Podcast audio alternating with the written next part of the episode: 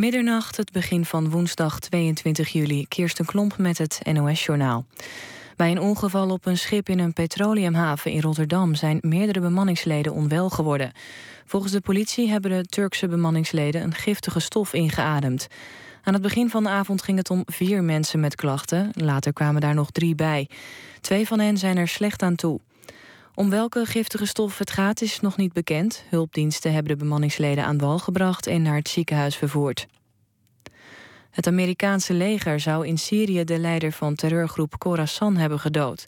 In een verklaring van het Pentagon staat dat Moussin al-Fatli twee weken geleden is omgekomen bij een luchtaanval in Syrië. De 34-jarige Fatli was vroeger lid van Al-Qaeda. Hij was een vertrouweling van Osama Bin Laden en zou een van de weinigen zijn geweest die van tevoren op de hoogte waren van de aanslagen in de VS op 11 september 2001. In Uithoorn zijn vanavond twee mensen gewond geraakt bij een aanhouding in een flatwoning. Een agent en een verdachte. De agent werd neergestoken en hij heeft de verdachte daarna neergeschoten. De beide gewonden zijn naar het ziekenhuis gebracht. Rusland zinspeelt op een importstop van alle bloemen uit Nederland. Volgens bronnen van het persbureau Bloomberg kan het dreigement worden gekoppeld aan de inspanningen die onder andere Nederland doet om de waarheid over vlucht MH17 boven water te krijgen. Volgens de Russen zouden de bloemen uit Nederland vol zitten met beestjes die een ernstig gevaar vormen voor de Russische landbouw en economie.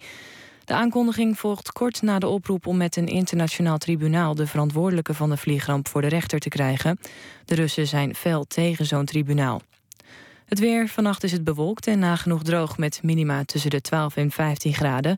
Morgen overdag geregeld zon en droog rond de 22 graden. Dit was het NOS Journaal. NPO Radio 1. VPRO. Nooit meer slapen.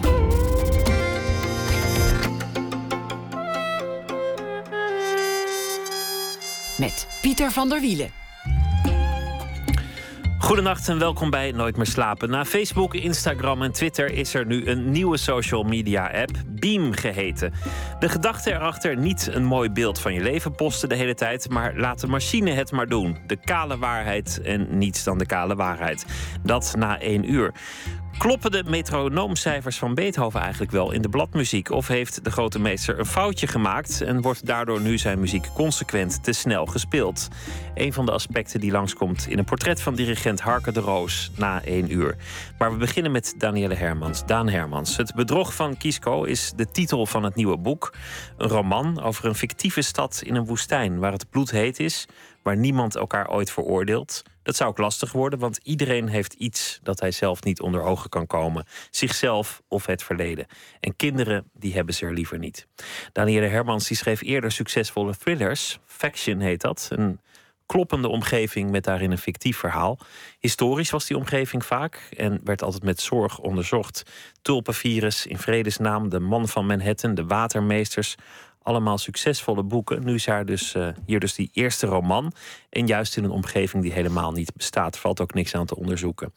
Vorig jaar schreef ze met collega Esther Verhoef het boek Stil in mij. Met interviews met vrouwen die in internaten en kostscholen door de nonnen zijn misbruikt of mishandeld. Daniel Hermans, geboren in 1963, had eerst een carrière in de communicatie en begon op haar veertigste met schrijven. Welkom. Dankjewel de drukproef, die, uh, dat is altijd een mooi moment. Die plofte op de mat thuis. Je kreeg hem uh, mm in handen. Mm -hmm. Dat is eigenlijk het moment dat je dan normaal een fles champagne opentrekt of iets. Ja. En bij jou was het een, een enorm nare dag. Een, een, dag met een kwaaie tijding. Ja. Want je kreeg te horen dat je ernstig ziek bent. Ja, ja ik, had een, uh, ik, had een, ik bleek een, een, tumor in mijn long te hebben. En dat was precies inderdaad in die periode dat ik ja, dat het einde van, uh, van dit boek inzicht was om het te laten drukken en noem maar op. En um, ja, dat was uh, schrikken. Van de ene dag op de andere is je leven, wordt gewoon 360 graden gedraaid. We zouden ja. dit interview eigenlijk eerder doen. Dat is ja. uitgesteld omdat je toen een, een chemokuur moest uh, ja. ondergaan. nu kan het, tussen twee kuren door. Hoe, hoe gaat het? Wat kun, wat kun je daar globaal over zeggen? Over, hoe het nu, nu loopt met je behandeling en met je, met je ziekte? Ja, het, het gaat, uh, het gaat uh, goed. Ik heb, ik, het is in ieder geval niet, uh, niet uitgezaaid. Dus dat is al een, eigenlijk heel goed nieuws. Wat je dan kunt ontvangen. En de tumor is weggehaald, operatief verwijderd. En ja, die chemo moet ervoor zorgen dat echt elke uitzaaiing nu verdwijnt. En dat is, dat is de stand van zaken. Dus als het goed is, ben ik. Ja, ik, ik, ik, ik, ik heb me erop ingesteld. Dit jaar ja, gaat het niet meer worden met mij en mijn gezondheid. Maar vanaf januari gaat het weer gewoon goed. Het feit dat je hier zit, geeft volgens mij ook wel aan dat je helemaal niet voornemens bent om je eronder te laten krijgen. Nee. Dat je gewoon door wil gaan. Ja. Dat, dat, je. Um, gewoon zoveel mogelijk wil doen. En, en eigenlijk helemaal geen zin hebt om een patiënt te zijn of om, om ziek te zijn. Nee. Of, of, uh, of dat soort dingen.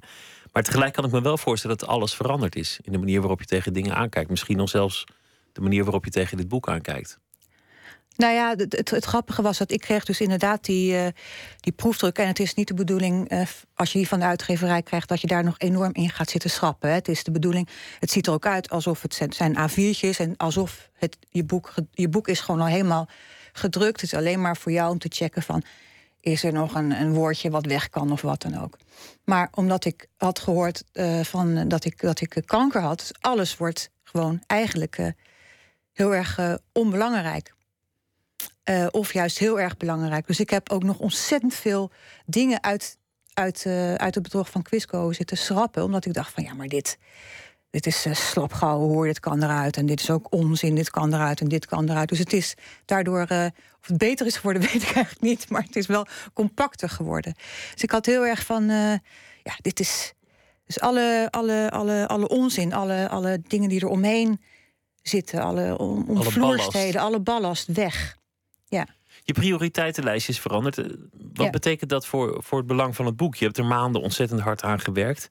Is, is dat boek nog net zo belangrijk als voor de kwade tijding? Of, of denk je inmiddels ook, ach nou ja, een boek.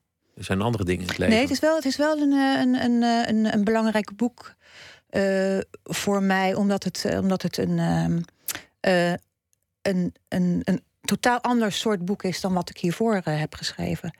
En ik had uh, na, uh, na het schrijven van, van de thrillers en de research die ik altijd deed, en moest ook allemaal kloppen. En mijn plots waren dichtgetimmerd en alles was helemaal. Alles was, was gewoon geen spel tussen te krijgen. Wilde ik een keer helemaal los schrijven. Los van de research, los van het onderzoek wat ik van tevoren deed, los van mijn plot wat ik van tevoren had bedacht. En ik ben hier aan, aan begonnen. En.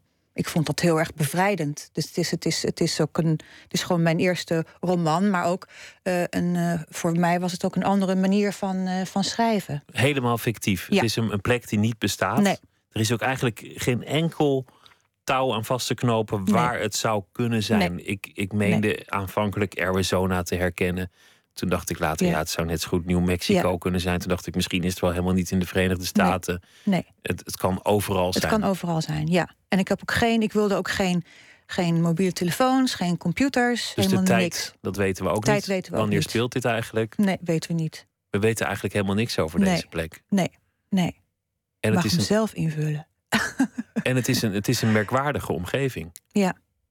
Het is een omgeving die ik heb. Ik heb eigenlijk uh, uh, uh, beelden die ik, die ik voor me zag um, uit films, foto's of schilderijen, uh, um, uh, beelden die ik van vroeger me nog kon herinneren. Die heb ik eigenlijk allemaal. Ik heb alles gebruikt wat ik mooi vond, wat ik prettig vond, wat, ik in, wat in mijn herinnering was om, om deze plaats te beschrijven. Ga je dan nog steeds toch stiekem een beetje, ondanks dat het volledig fictief is, te werk zoals je dat zou doen in een historische omgeving? Want als jij een, een boek schrijft over Manhattan in, ja. in de 18e eeuw, of Ja. over, over Haarlem in de 17e eeuw, Ja. of Utrecht in de 18e eeuw, noem maar op, dan, dan ga je heel zorgvuldig te werk. Zoek je precies uit, was die straat er eigenlijk wel? Was die steeg er eigenlijk wel? Hoe zag zo'n deur er dan in die Ja. tijd uit? Ja. Doe je dat eigenlijk net zo zorgvuldig als, het, als de omgeving helemaal niet bestaat? Uh, nee, ik ben helemaal niet zorgvuldig geweest. Want ook het, is, het, het, het, het, dorp ligt in een, in een woestijn, maar het is daar enorm, veel, enorm groen. Het, is echt, het zijn, bomen, zijn struiken, ligt wel midden in de woestijn. Er zit een zee omheen, dat slaat ook nergens op. Dus het klopt helemaal niet. Klopt gewoon geen hout klopt van. gewoon helemaal geen moer van. Dat is ook wel lekker, hè? Vond ik heerlijk, ja. Ja. ja. Wat ik, ja, waarom zou het moeten kloppen? Het basisgegeven is een, een gemeenschap waarin niemand elkaar veroordeelt, waarin niemand wijst. Ja. Maar waar iedereen iets heeft wat hij zelf niet onder ogen kan komen. Maar dat kan Ja. ook, Ja. omdat niemand wijst. Ja. Dat is een interessant gegeven. Waar kwam dat vandaan? Ehm, Ja, het is een van de, een van de, uh, een van de, de thema's. Of thema's een beetje groot woord, maar een van de, een van de gegevens die inderdaad in het boek zitten, omdat ik. Um, en het heeft ook met, met social media te maken, wat ik. Uh, wat, waar ik me heel erg aan, aan stoor en wat me ook vaak verbaast, is, uh, zijn de, de, het, het, als er iets gebeurt, het er bovenop springen van iedereen. En het gemak waarmee mensen oordelen. En het een gemak mening waarmee hebben. ze een mening hebben en, en dat ze meteen hun emotie erin gooien. Dus dat ze zonder na te denken, uh, zonder te wachten of te willen wachten of het geduld kunnen opbrengen om op de feiten te wachten. Bijvoorbeeld als er een aanslag is gepleegd, noem maar iets. Meteen roepen: dit is dat, dit is dat, dit is dat. Het moet zo worden aangepakt. En dit, dat geroep constant. En dat meteen een oordeel neerleggen, meteen wijzen. En vaak ook in situaties waar het, waar het eigenlijk gewone stervelingen uh, betreft, ja. die daar niet op voorbereid zijn. Ja. Ik bedoel, in, in het geval van een politicus kan je nog zeggen: Nou ja, je bent de politiek ingegaan, je wist dat Mhm. je dit, dit zou kunnen krijgen. Maar Ja. soms gaat het ook over een grappig filmpje over een schooljuf. Ja. Of, of over een medewerker van de spoorwegen met een onzorgvuldige, onvoorzichtige tweet van een blauw zwembad Ja. in Italië. Ja. Voordat hij, voordat hij een, eh, een mislukte trein ging kopen. Ja. Ik noem maar wat, hè. Dat, dat is maar iets van het afgelopen jaar. Dat zijn duizenden voorbeelden. En meteen weet iedereen, generaliserend, hoe het zit. En dat stoort mij heel erg. Eh, omdat je eh, vaak niet weet hoe het zit. En ook dat niet weten hoe het zit. Eh, wat is het probleem om je dat af te vragen? Is dat een, is dat een soort zwaktebod om, dat niet, om te zeggen van ik weet het niet? We moeten het even afwachten.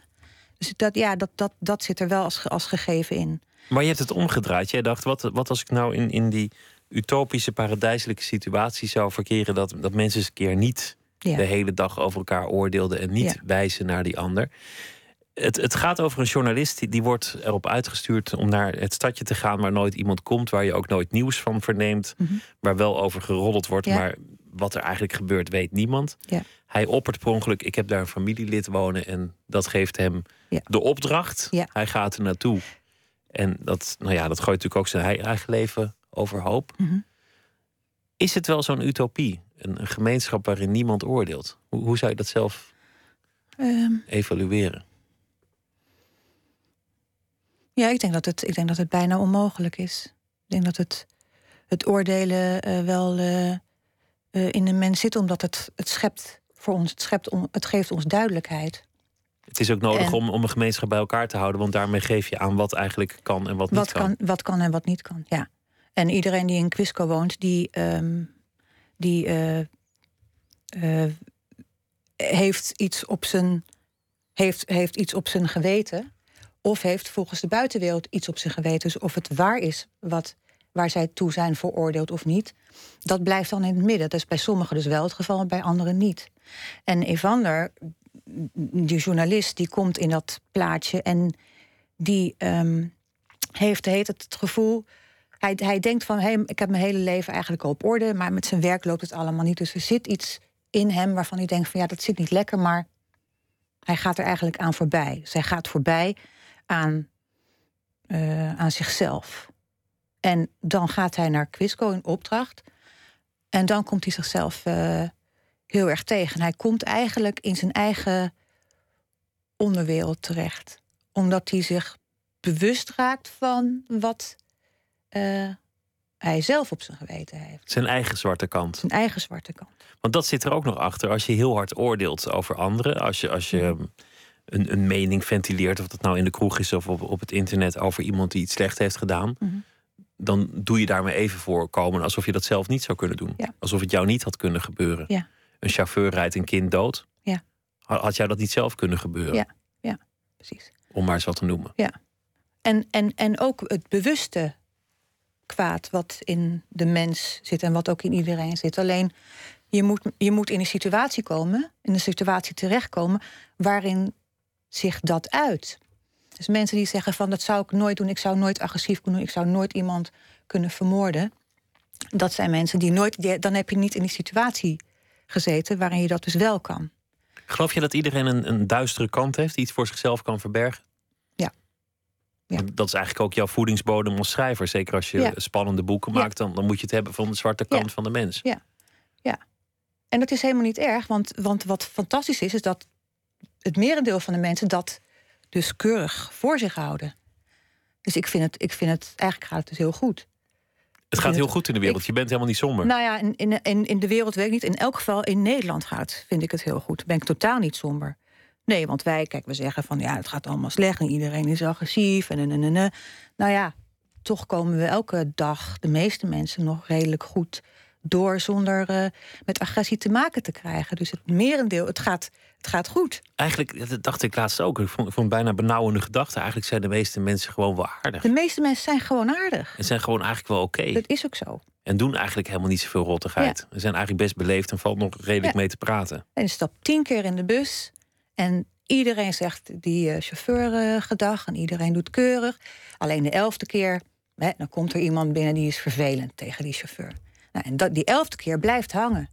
En dan ga ik naar huis en denk van... jeetje, wat zijn die mensen toch eh, vervelend tegen chauffeurs. Dus dat is wat blijft hangen. Altijd het negatieve blijft altijd hangen, maar het positieve niet. Moet je als thrillerschrijver eigenlijk ook houden van de zwarte kant van de mens? Moet je het zwarte schaap liefhebben om een goede detective thrillerschrijver te zijn? Ehm, ja, eh, voor mij geldt dat wel. Omdat je hem dan. Dat je dan de interesse erin hebt in, in, in, in wat, wat, wat hem of haar beweegt. Je moet je erin verplaatsen dus ook. Ja, Kun je dat? Kun je bij jezelf voorstellen dat je iets, iets echt gruwelijks, onvergeeflijks, ronduit slechts kan doen? Ik bedoel niet iemand per ongeluk doodrijden, want dan heb je nog in morele zin niet zoveel verkeerd gedaan. Behalve dat je misschien haast had, wat, wat Ja. op zich verwerpelijk is. Maar het Ja. is niet een flagrante verwerping van de normen. Ja. Ehm, Kan je in jezelf iets bedenken waardoor je echt helemaal slecht zou kunnen zijn? ja maar dan, dan daar komen we een beetje op de definitie van wat is, wat is slecht. Is, is slecht een gewelddadige actie plegen? Ja, Zonder- vind ik wel slecht, ja. Sowieso? Vind je sowieso slecht? Ja, geweld. Gewelddadig zijn? Ja, nee, maar ik, ik kan wel dingen bedenken waarvan ik zeg van nou, een schoolklas opeten, dat vind ik slecht. Ja, Moet je niet precies. Ja. Ja. Ja. ja, en dat, dat gewetenloze, ongemotiveerde slechte, dat zou ik, nee, dat zou ik niet kunnen. Dat zijn ook maar heel weinig mensen die dat wel kunnen. Het is een minimaal aantal mensen die dat kunnen. En wanneer wordt het interessant voor jou als schrijver, het, het, het kwaad? Moet, moet er dan ook iets in zitten waardoor je er begrip voor krijgt? Of moet het juist die overschrijding zijn? Nou, ik vind dat gewetenloze kwaad vind ik ook interessant. Het, het, het juist geen, geen, geen gevoel hebben, geen empathie hebben. Vind vind ik ook fascinerend. En toch is de, de, de, de, de, de, de, de geweld met een geweten vind ik toch interessant. Omdat, je, omdat mensen die afweging maken. En hoe, hoe leven ze daarmee verder? Dat is ook de vraag. Hoe leef je daarmee verder? Het deed me ook denken aan een discussie die nou ja, regelmatig terugkomt in de actualiteit. En eigenlijk al sinds mensheugenis. Een aparte gemeenschap voor de boeven. Ja. Een gevangenis heeft dat al een beetje. Dan heb je de werkkolonie, dat gaat nog iets verder. Maar Ja. Tuigdorpen is ook wel eens eh, Ja. eh, genoemd. En eh, Louis Theroux die heeft een keer een documentaire, ik weet niet of je die hebt gezien, over midden in de woestijn een gevangenis voor zware zedendelinquenten. Het ligt echt in the middle of nowhere, bam. En dat zijn mensen die een geweldige, docu- geweldige reportage van hem. Die komen er ook nooit meer uit. Die krijgen dan allerlei begeleidingen, noem maar op, maar die komen er, die komen er eigenlijk nooit, nooit uit. En die zitten allemaal daar. In jouw boek worden kinderen, nou ja, verboden zijn ze niet, maar Mhm. ze, ze worden niet gewenst in, in, in de gemeenschap. Nee. Dat betekent dat het een stadje zonder toekomst is. Ja. Waarom vond je dat interessant om, om het zo te doen? Ehm,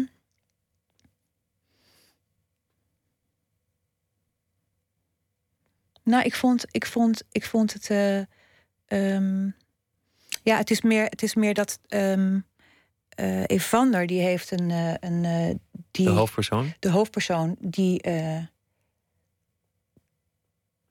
gaat naar dat stadje, maar de vraag is meer: is dat stadje wel, wel echt? Weet je, hij, komt, hij komt ook allerlei mensen tegen die allemaal een link hebben met zijn verleden. En ehm, dan is de vraag: is het stadje echt? En, ehm, klopt het eigenlijk wel. Met andere Klopt. woorden, hij is Ja. op de vlucht voor zichzelf, voor zijn eigen eh, verleden. En Ja. daardoor komt hij in een omgeving Ja. die misschien ook wel niet bestaat, omdat hij zichzelf is verloren. En dus is misschien alles wel totaal nep. Ja, ja. En daarom moest dat gegeven er zijn, omdat het het eigenlijk onmogelijk maakt. En wat is waar dan daarin? Wat is de waarheid? Laten we gaan luisteren naar eh, muziek voor we verder praten over eh, andere dingen die je gedaan hebt en ook over, over dit boek. De Schotse muzikant Christopher Duncan. Hij eh, studeerde compositie in Glasgow, schrijft ook eh, stukken voor serieuze grote orkesten. Nu heeft hij gewerkt aan een popplaat. Die is er. De titel daarvan is Architect en het nummer heet Here to There.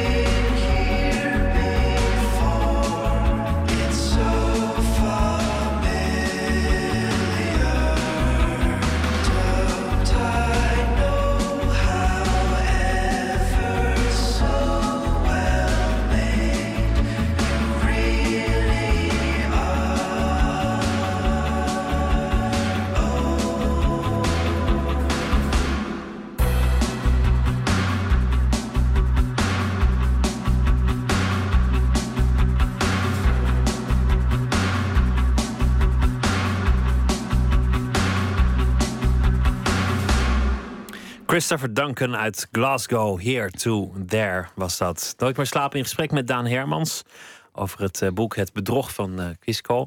Ik zei aan het begin dat je, dat je eigenlijk relatief laat op je, op je veertigste bent begonnen met schrijven. Ja. Daarvoor had je al een, eh, een, een studie gedaan en heel iets anders. En je had een communicatiebureau en je, je werkte als communicatiestratege of adviseur of communicatie nog Ja. iets. Ineens dat besluit om, om te gaan schrijven. Wat, een riskant besluit moet zijn geweest. Hoe ging dat? Ja, ik was eh, ehm, 40. Dus ik denk dat ik. Ik denk, weet bijna zeker dat ik in een soort midlife crisis zat van. Is dit, dit is dus wat ik kan, het communicatieadviseur.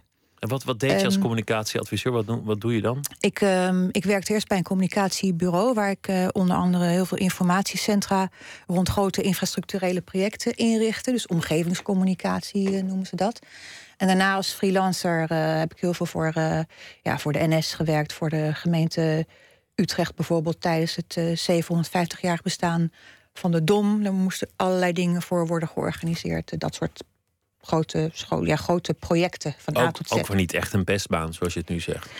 Eh, nee, maar op een gegeven moment dacht ik wel. eh, eh, eh, ehm, als, als, er, als er binnen zo'n project. als het goed gaat, dan is het dankzij de hele organisatie. Maar als er iets verkeerd gaat, fout gaat, ook vooral in de pers noemen. Dan Dan, je dan, is het degene, dan is het de communicatiepersoon die het niet goed heeft gedaan. Dus ik, ik- begon, me, ik begon me daaraan te ergeren. En er was waarschijnlijk En- ergens in jou ook, ook een soort stemmetje dat dacht: je hebt meer in je mars, eigenlijk kun je iets wat je nu niet doet. Nou, ja, dat weet ik niet. Ik, ik, had, ik had meer dat ik dacht van, van oké, dit is wat ik kan, dit is het vak wat ik doe. Dit betekent in feite dat ik eh, eh, dit de rest van mijn leven eh, moet gaan doen. Wil ik dat? En toen dacht ik, nee, ik wil, eh, dat denk ik niet. Ik denk niet dat ik dat wel, maar ik wist niet of het door mij kwam, hè, of, of lag het aan de opdrachten die ik deed, of mijn opdrachtgevers, wist ik allemaal niet. Dus ik dacht, ik neem eens een time-out. Ik had eh, keurig geld gespaard voor mijn pensioen.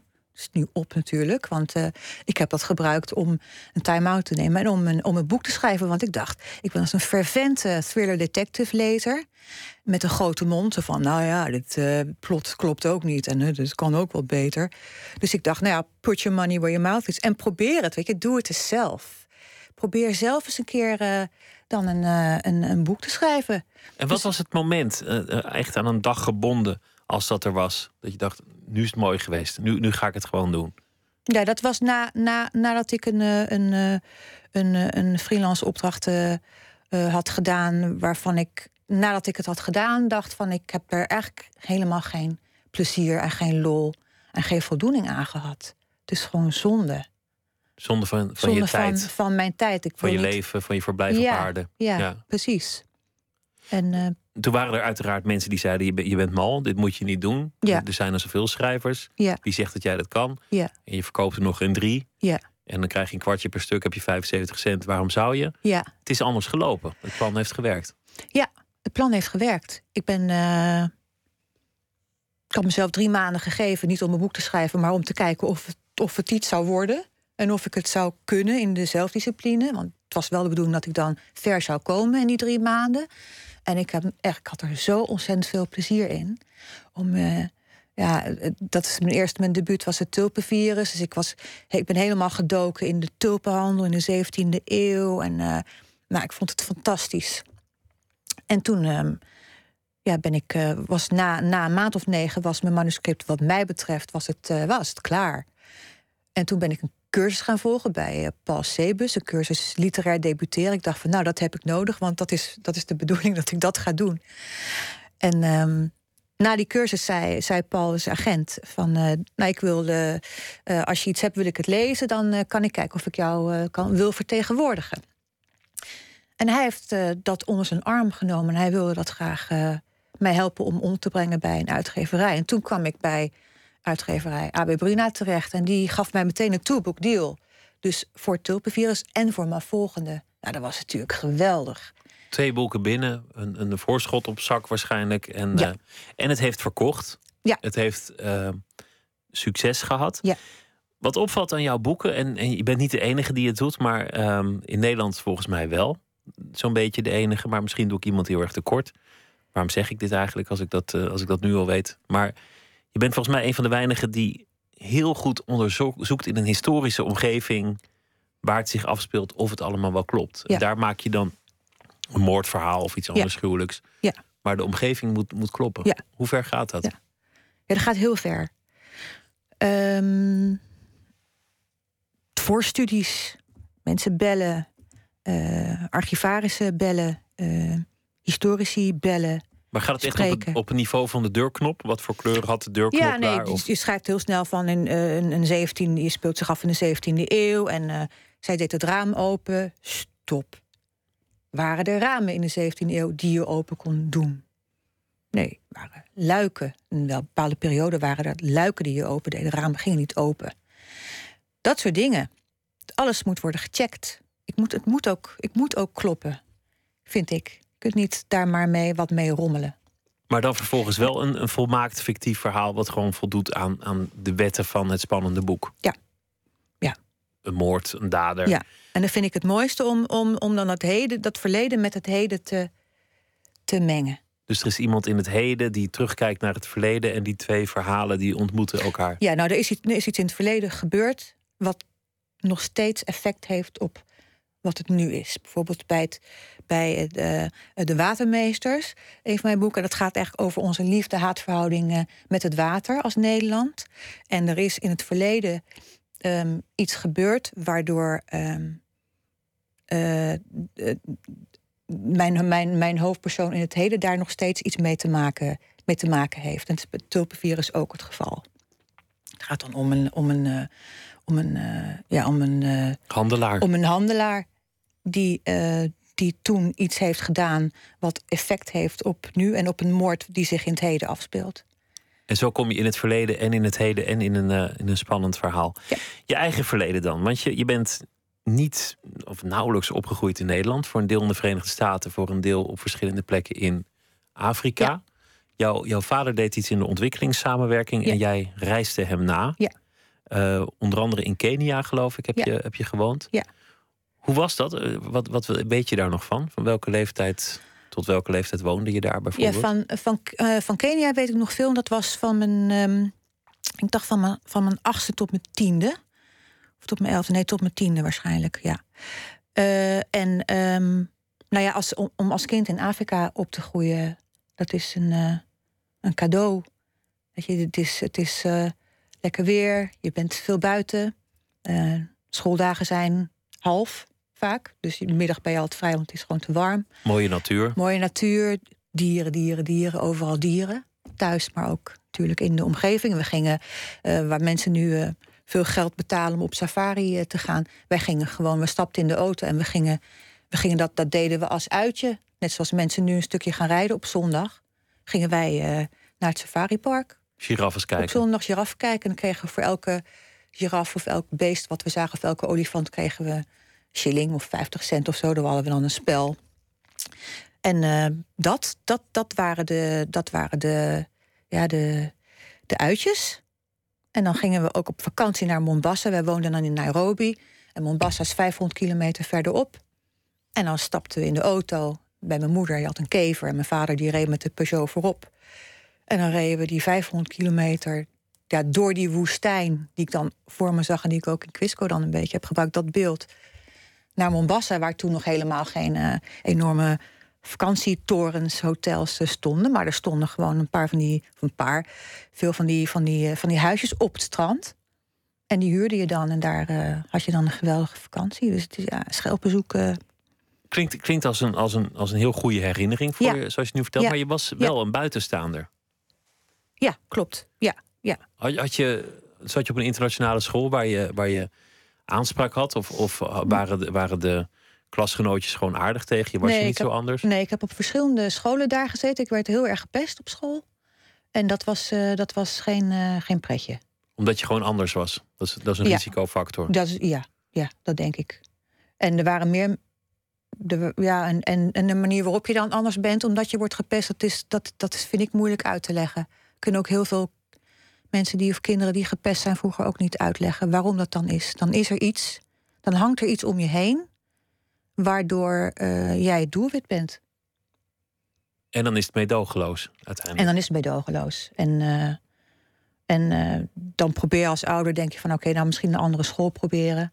Maar ja, dat werkt niet. Dat werkt heel vaak niet, omdat je dat, ja, omdat je dat als kind toch met je meedraagt. En hoe ver ging het, dat beste? Is, is het echt een kwaaie herinnering geworden? Of was het, was het van, nou ja, oké, ik werd gepest, maar eh, vooruit.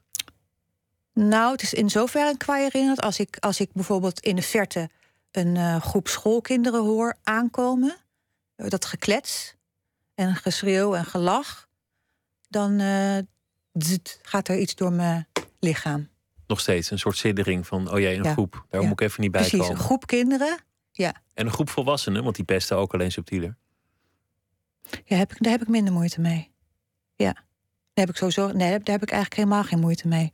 En ook met die kinderen, hoor, dat gaat dan maar even, maar dat gaat even echt een soort associatie die ik dan eh, heb. Het zit wel, Ik fiets niet om voor het zit kinderen. wel min of meer. meer in, in de thematiek van je boek. Want het gaat over een, een buitenstaander in een, in een totaal vervreemde omgeving. Ja. Iemand, iemand die, die er op geen enkele manier bij hoort en Ja. op geen enkele manier aansluiting Ja. heeft. En dat voelde bij mij niet zo sterk, maar dat kwam ook omdat, omdat het thuis gewoon heel prettig was. En, ehm, en ik daar gewoon eh, me prima voelde en heel goed voelde. Je vader zat in de ontwikkelingssamenwerking. Ja. Ehm, was het dan ook een idealistische omgeving? Ben, ben jij grootgebracht met, met een soort wereldbeeld of, of met bepaalde waarden die je, die je moest koesteren? Eh, die ik moest koesteren, niet zozeer. Ja, maar wel dat. dat ehm, ja, met het beeld van in ja, de 70 jaar ontwikkelings, eh, ontwikkelingshulp heette dat toen. Dat is later samenwerking geworden, omdat we hebben bedacht van we gaan samenwerken. We helpen niet alleen, maar We staan op gelijke voet. we staan op gelijke voet. Maar toen is, ook heette wel dat. wat, is ook wel wat voor is te zeker zeggen, wat toch? voor te zeggen, maar toen beetje een woordspelletje, maar het is, het is Ja. toch wel indenkbaar. Ja. Maar goed, zeker in die, in zeker iets voor te zeggen, maar toen heette dat ook nog hulp, meer de, in de vorm van eh, de, de, de, missie. De Nederlanders die komen eraan en die, eh, en die komen jullie eh, helpen. En ehm, ik denk dat het. Wij, ja, ik, ik, ben, ik ben wel opgegroeid dat het, eh, dat het goed is om te helpen. Maar ik ben ook opgegroeid dat het eh, soms ook hoeveel je ook helpt, soms hopeloos, hopeloos kan zijn en dat het niet kan werken. En, eh, en ook goede bedoelingen die averechts werken. Zo, zo zijn ze bijvoorbeeld ook teruggekomen van hele grote ontwikkelingsprojecten. Ze dachten, nee, we gaan het veel kleinschaliger. We gaan een, weet je, een waterpomp en dan geven we ook die mensen de tools om die waterpomp zelf te maken. Maar dat zijn allemaal een hele overgang geweest natuurlijk binnen dat hele ontwikkelingssamenwerkingsdenken. Ja, het, het, het, inmiddels zijn de gedachten daarover Ja. over, eh, flink gevorderd. Ja. Het doet me soms ook een beetje denken aan mijn buurman... die jarenlang elke dag de, de fietspomp kwam lenen. En nooit een keer zijn band plakte. En dan Ja. elke dag geef je netjes die fietspomp... en was die zo dankbaar als maar zijn kan. En dan, dan moet ik bij Griekenland nu ook nog wel eens aan denken. Maar dat idealisme wat je eerder vertelde... Mhm. in deze uitzending... dat je, Mhm. dat je zei, goh, ehm, waarom oordelen? Mhm. Eigenlijk een soort, soort gevoel van empathie zit daarin. Is dat ook iets wat je, wat je hebt meegekregen van je ouders? Van, van oordeel niet te Eh. snel, verplaats je ze in een ander. En niet alleen van mijn ouders. Ik denk dat, dat eh, door dat constante verhuizen. En ook al die. Ik heb op acht verschillende lagere scholen gezeten. Dus dat constant die andere scholen. Dat ik ook een soort. Ik ben daar een beetje een chameleon van geworden. Dus zet mij maar overal neer en ik red me wel. Dat is ook wel het voordeel daarvan eh, van geweest. Ik snap ook vaak dat dan zit. En ik kan mezelf ook dan ook vaak in zo'n groep bewegen. Jouw moeder heeft, ehm, wa- want er was een televisieuitzending een aantal jaar geleden, was er heel veel te doen over ehm, misbruik in, in katholieke instellingen. Dat ging dan eigenlijk vooral over jongetjes in de publiciteit. De meeste interviews, de meeste artikelen gingen over jongetjes die, die werden misbruikt door, door de geestelijke. Ja, Vrij weinig mannen, ja. over meisjes. Ja. Jij zag een uitzending van Pauw, Ja. waarin eh, een, een vrouw aan het woord kwam die vertelde Ja. over het misbruik in haar jeugd. Ja. En dat riep enorme herkenning op. Ja. Van, vanwege jouw moeder. Ja. Hoe zat dat? Ja, ik weet, mijn, mijn, ehm, mijn moeder die heeft, eh, eh, die is in, in, in Oosterwijk opgegroeid. En die zat op een, ehm, een dagschool, een nonnenschool. En zij vertelde daar wel eens over, niet eens zo uitgebreid, maar dat, dat, eh, dat het eh, vreselijke vrouwen waren. En eh, als je gewoon keihard werd ja, straf, je plaste in je broek en je moest in de hoek van de, van de klas gaan staan. En ehm, dus ik herkende het verhaal van, van Els A. Cohen, die toen bij Pauw over haar ervaringen sprak. Die, ja, veel vreselijker waren dan die mijn moeder ooit heeft meegemaakt. En, ehm, en ik, ehm, ik zei dat op Twitter, van dat, ik, dat die verhalen dus herkenbaar, deels herkenbaar waren. En Esther Verhoef, waarmee ik het boek Stil in mij samen heb geschreven, die reageerde daarop van voor haar ook. Haar moeder, voor haar was het ook herkenbaar, omdat haar moeder ook van die verhalen had. En eh, zo zijn wij eh, ja, bij elkaar gekomen om, eh, om dat boek te schrijven en om Dus- de verhalen van die vrouwen op te. Twee schrijvers van een spannend boek, allebei succesvol, die, die samenkomen en iets heel anders gaan doen. Eigenlijk een journalistiek project. Ja. Mensen gaan interviewen. Was het moeilijk om die mensen geïnterviewd te krijgen? Om, omdat het toch over iets heel gevoeligs gaat. Ja. Kon je ze makkelijk vinden en, en Ja, nou, we hebben vinden? ja, contact opgenomen met het vrouwenplatform Kerkelijk Kindermisbruik. Want wij wisten natuurlijk niet van ja, hoe komen we aan die vrouwen? Een oproep op Facebook of wat dan ook. Je weet helemaal niet wat je krijgt. We wisten ook niet eh, of, de, oh, ja, of, of, of mensen er bereid toe zouden zijn. Toen hebben we contact opgenomen met het vrouwenplatform. Ik heb gewoon op internet gekeken. En ehm, ik, had, eh, ik had de voorzitter aan de telefoon en ze zei van het is ongelooflijk. Gisteren heb ik nog wakker gelegen van hoe krijg ik, hoe geef ik eh, deze vrouwen die bij mij komen, die door de nonnen zijn mishandeld en misbruikt, een stem. Dus het was precies op het goede moment. En zij heeft ons geïntroduceerd bij deze vrouwen. Want dat is eigenlijk het verborgen verhaal. Op, op een- 50 jaar lang is verborgen Ja. gebleven dat er misbruik was.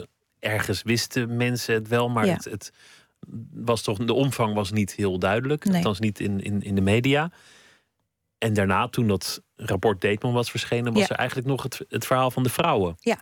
Dat was min of meer vergeten. Ja. Nog op dat moment. Ja, ja. Dat boek wat jullie geschreven hebben, eh, Stil in mij, daar staan verhalen in die dermate gruwelijk zijn. Ja.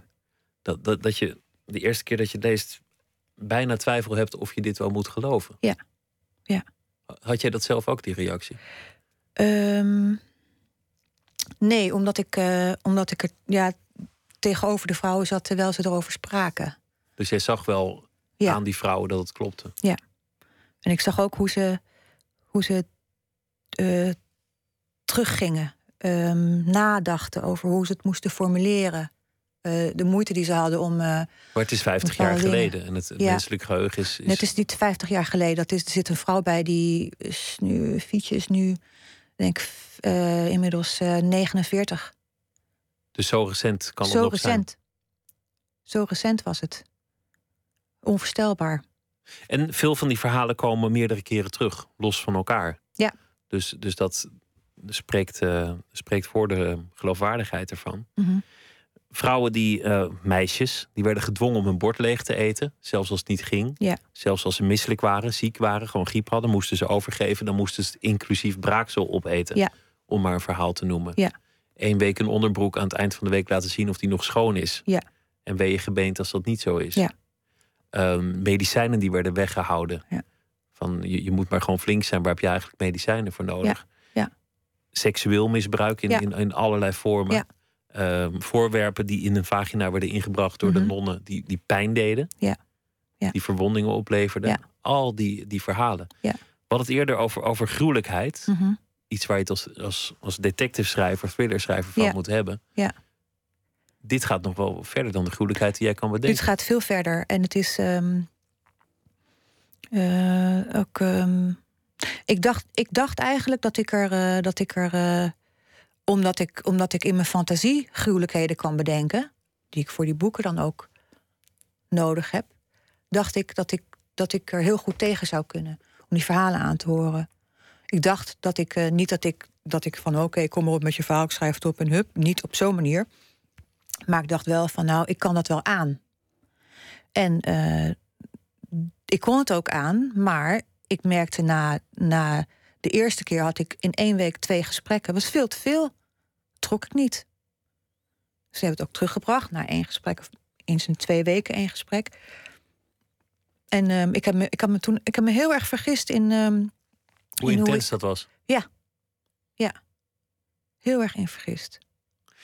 Ook interessant is eh, het verhaal van de daders. Ja. Die heb jij niet geïnterviewd, maar indirect komen ze aan het woord. Omdat die vrouwen soms verhaal zijn gaan halen Mhm. bij hun, hun vroegere Ja, belagers. Ja. En dan is de reactie interessant, omdat die dat verdrongen hebben. ja. Die staan dan te, te boeken als een, als een lieve vrouw. Mhm.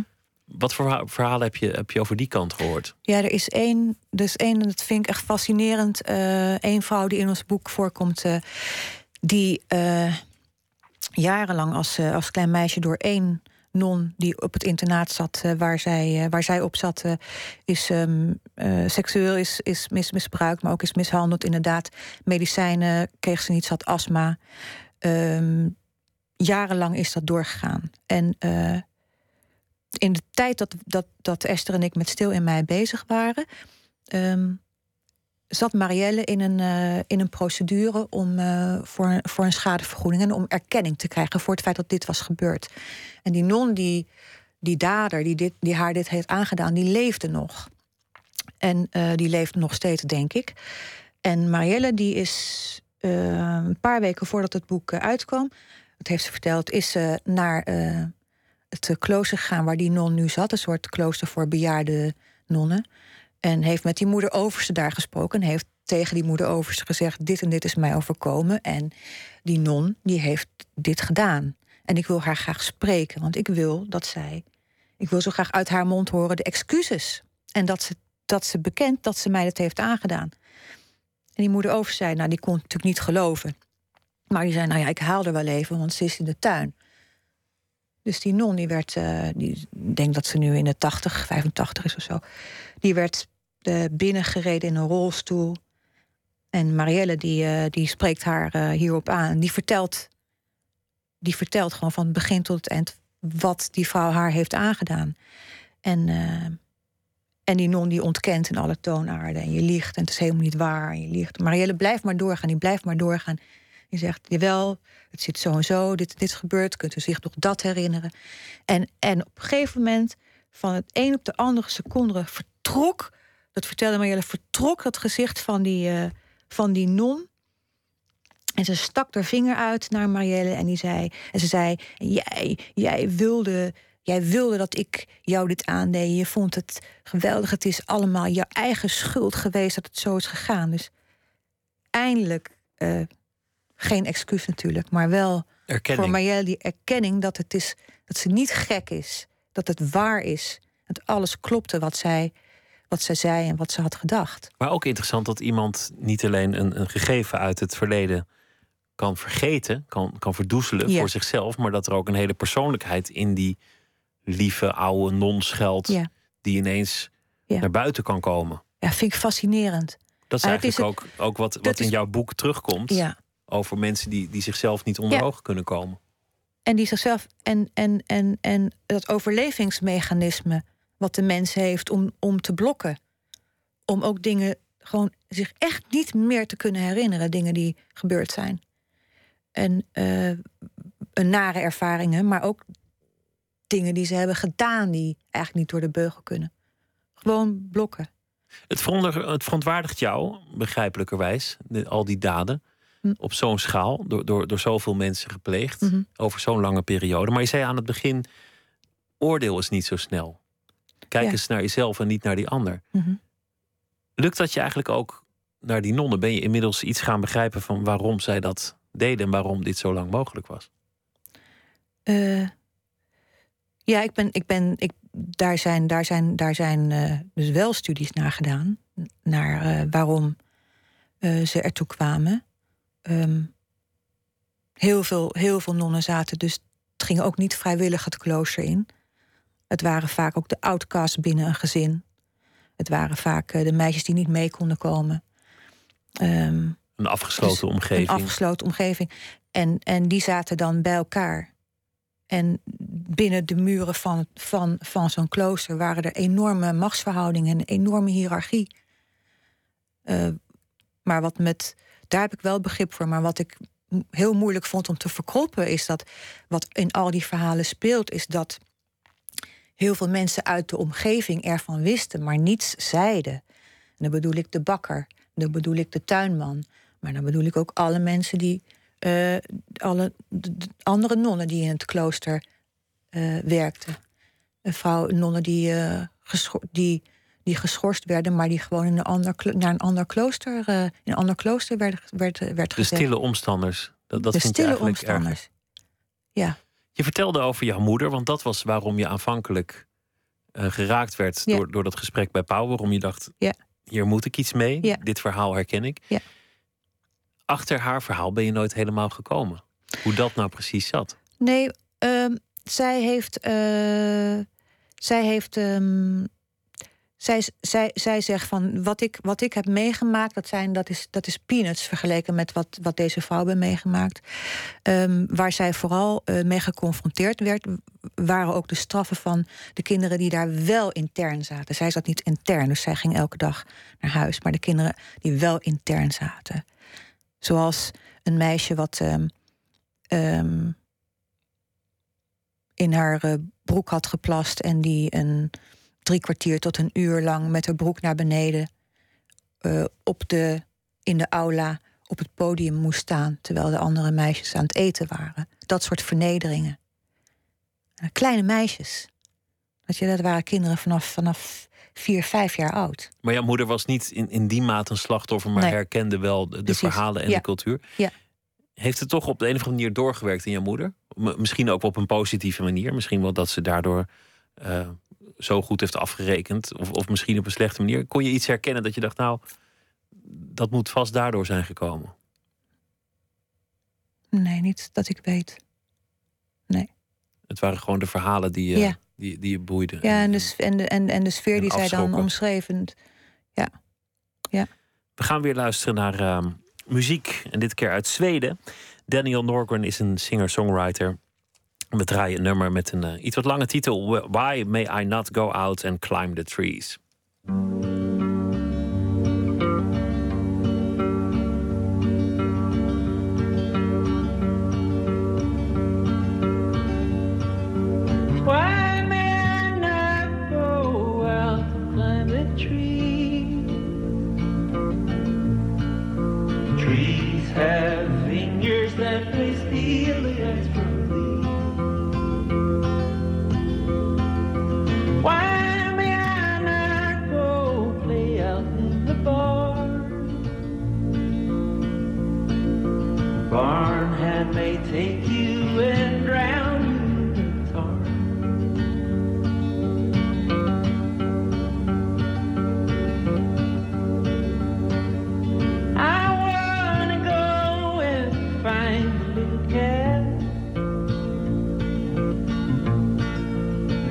The cat's been found and taken by the rats.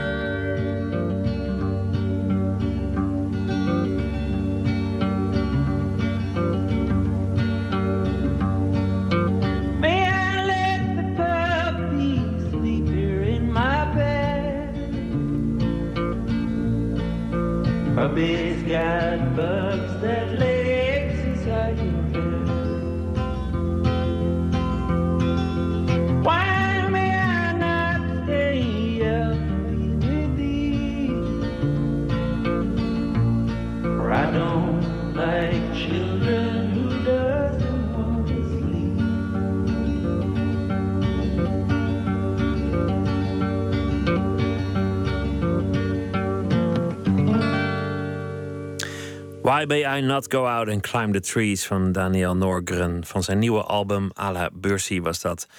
Nooit meer slapen, Daan Hermans zit tegenover mij. We hebben het eh, gehad over je nieuwe boek, Het Bedrog van Quisco. Over het eh, oordelen, de, de cultuur op het internet... waarbij mensen zo makkelijk oordelen over anderen. We hebben het gehad over de omslag in jouw carrière. Waar, dat je ineens besloot na een communicatieloopbaan... om schrijver te worden, auteurs van spannende boeken. Over het historische eh, schrijven, waarbij je probeert alles te laten kloppen. En, en hoe je dat eigenlijk goed doet. We hebben het gehad over je jeugd, opgroeien in Afrika. Mhm. Wel gepest op school, maar toch een leuke herinnering. En we hebben het gehad over het misbruik van vrouwen en meisjes in de katholieke instituties. Waar, Ja. je, waar je een boek over hebt geschreven. Naar aanleiding van verhalen die jouw moeder vroeger vertelde. We begonnen met, ehm, met jouw ziekte, waar je nu eh, Ja. eh, mee, mee kampt en worstelt. Je hebt gezegd, dit jaar is qua gezondheid verloren, maar Mhm. volgend jaar kijk me gaan. Ja. Ik, ik win de marathon. Ja. Het gaat me lukken. Ja. Je zei ook, mijn prioriteitenlijstje is helemaal omgedraaid.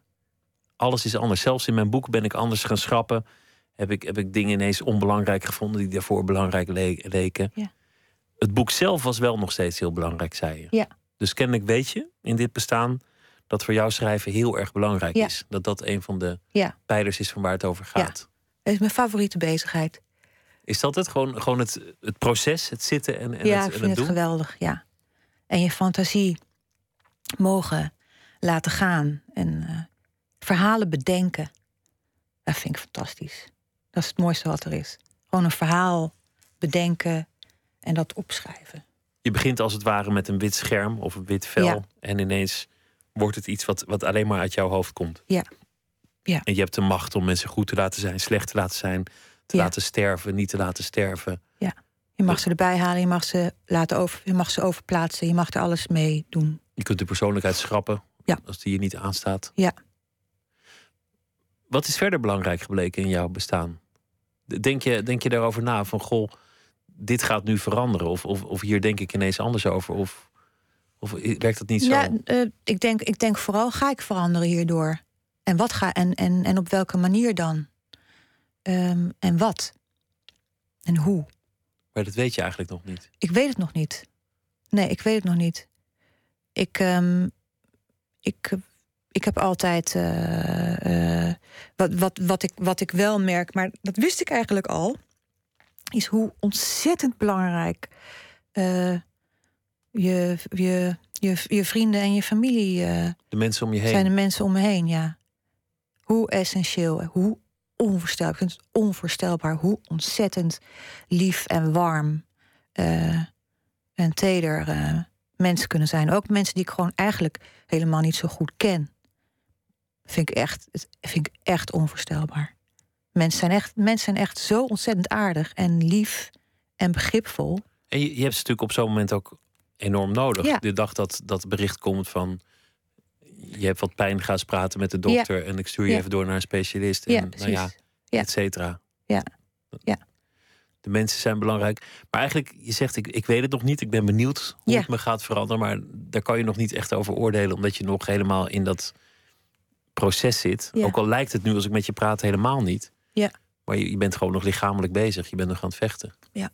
Met je ziekte en, eh, en de kuur en al dat gedoe. Ja.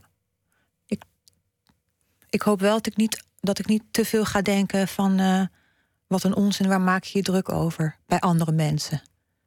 Want dat is, het is, het is, eh, die, ik merk dat ik dat nu, dat ik dat nu soms heb. Vind ik ook wel een begrijpelijke reactie. Ja, is het ook. Maar het is, het is niet eerlijk. Omdat dat ook het leven is, je druk maken over Ja. niks. Ja. Maar iets minder zou wel kunnen. Mensen zouden zich soms iets minder Iets druk minder- mogen maken over niks. Iets minder zou kunnen. Iets minder zou kunnen. Ja, ja, dat klopt. Wat houdt je op de been op de momenten dat het zwaar is? Denk je dan aan een nieuw boek? Zijn het dan verhalen?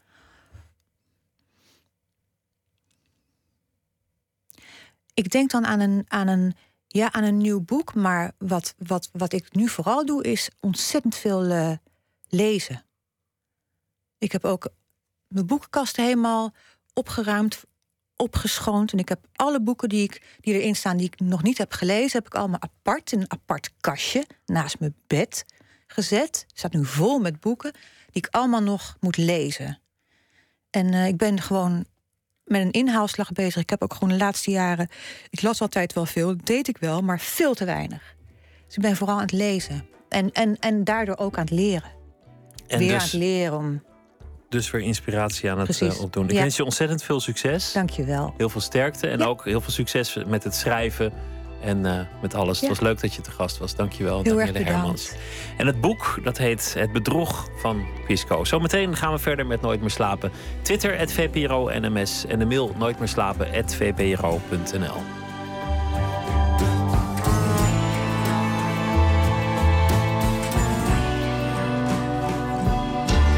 Op Radio 1. Het nieuws van alle kanten.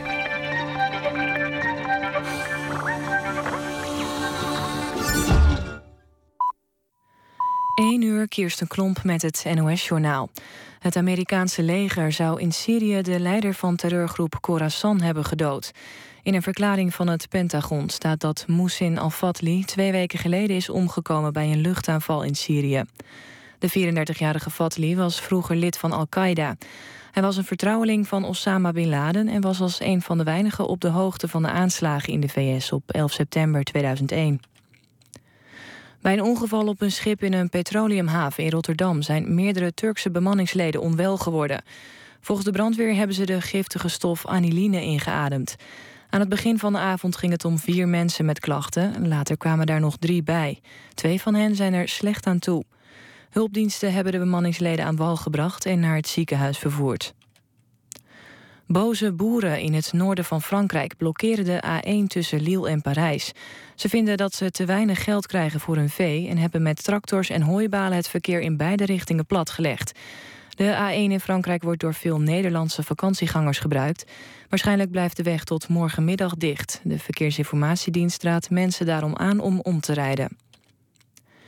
In Uithoorn zijn afgelopen avond twee mensen gewond geraakt bij een aanhouding in een flatwoning. Het gaat om een agent en een verdachte. De agent werd neergestoken en hij heeft de verdachte daarna neergeschoten. De beide gewonden zijn naar het ziekenhuis gebracht. De renners die morgen van start gaan in de 17e etappe van de Tour de France nemen eerste minuut stilte in acht. De organisatie en de renners herdenken dan de slachtoffers van de crash met een toestel van Germanwings. De Spaanse en Duitse renners staan bij de start in Digne-les-Bains op de voorste rij. In het verongelukte toestel zaten voornamelijk Duitsers en Spanjaarden. Het weer het blijft vannacht nagenoeg droog met minima rond de 14 graden. Morgen overdag zonnig en droog. Het wordt 20 tot 24 graden. Dit was het NOS Journaal. NPO Radio 1. VPRO. Nooit meer slapen.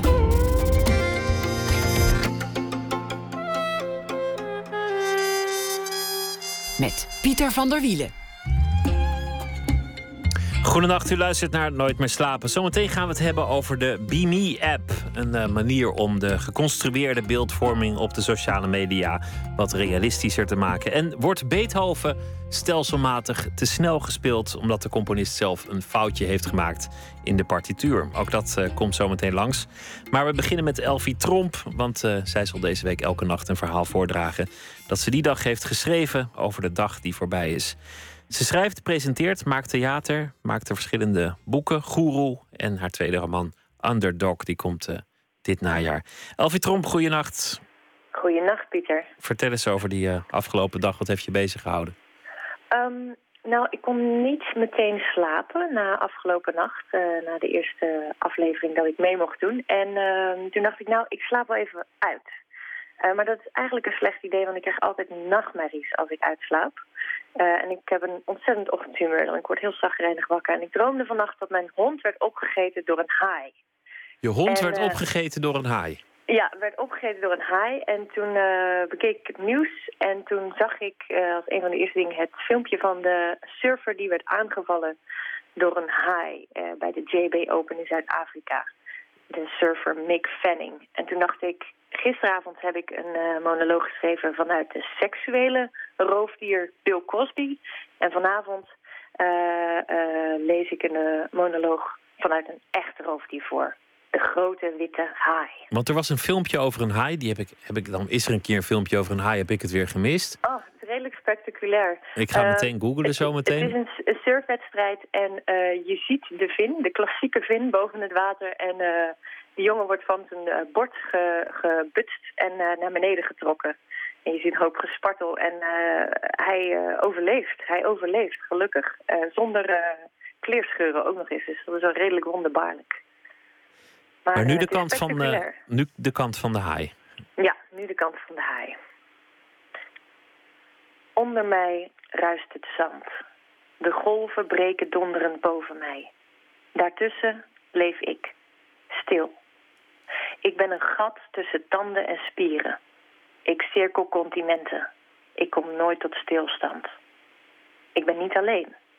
Ik weet wat hiërarchie is. Degene met meer tanden is de baas. Daar dans ik voor. Maar nu ben ik alleen. Kilometers ga ik voort. Ben ik slechts een schaduw langs een rif, een lege bodem, een waterplant. En dan voel ik plots je hart.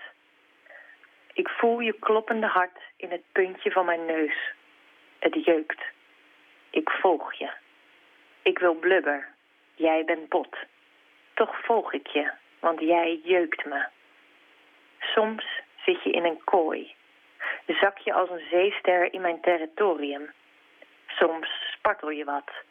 Ligt je zachte buik als een dobber in mijn oppervlak. En nu zit je op een plank. Je doet een spelletje, maar ik speel niet mee. Ik heb jeuk. Je draagt mijn tand aan een touwtje om je nek. Ik kom je de rest brengen. Ik trek aan het touwtje om je been. Het is kermis en ik wil mijn prijs. Ik open mijn bek en mijn ogen draaien weg. Ik ben het gat waar jij precies in past. Ik heb vinnen, jij een stem. Wat is sterker, denk jij? De kant van, eh, van de haai. Het schijnt trouwens dat haaien helemaal niet van mensen houden om te eten. Dus dat, dat een haai eigenlijk als die mens aanvalt... dat doorgaans als vergissing doet. Ja, omdat het eigenlijk te veel bot is om te verteren. Ze houden van eh, blubberrijke dieren, zoals walvissen en... eh, Zeehonden, geloof ik. Ja, Ja. robben, zeehonden, ja. Maar de angst is, is diep. Het is een oerangst. en ik denk dat ik ook te jong was toen ik Jaws heb gezien. Dat heeft wel echt eh, sporen nagelaten. Ik heb ook jarenlang niet in eh, open water gedurfd eh, durven te zwemmen. En nog steeds, als ik zelfs in een zwembad spring, kijk ik onder mij. Het is een soort angst die ik niet kan verklaren.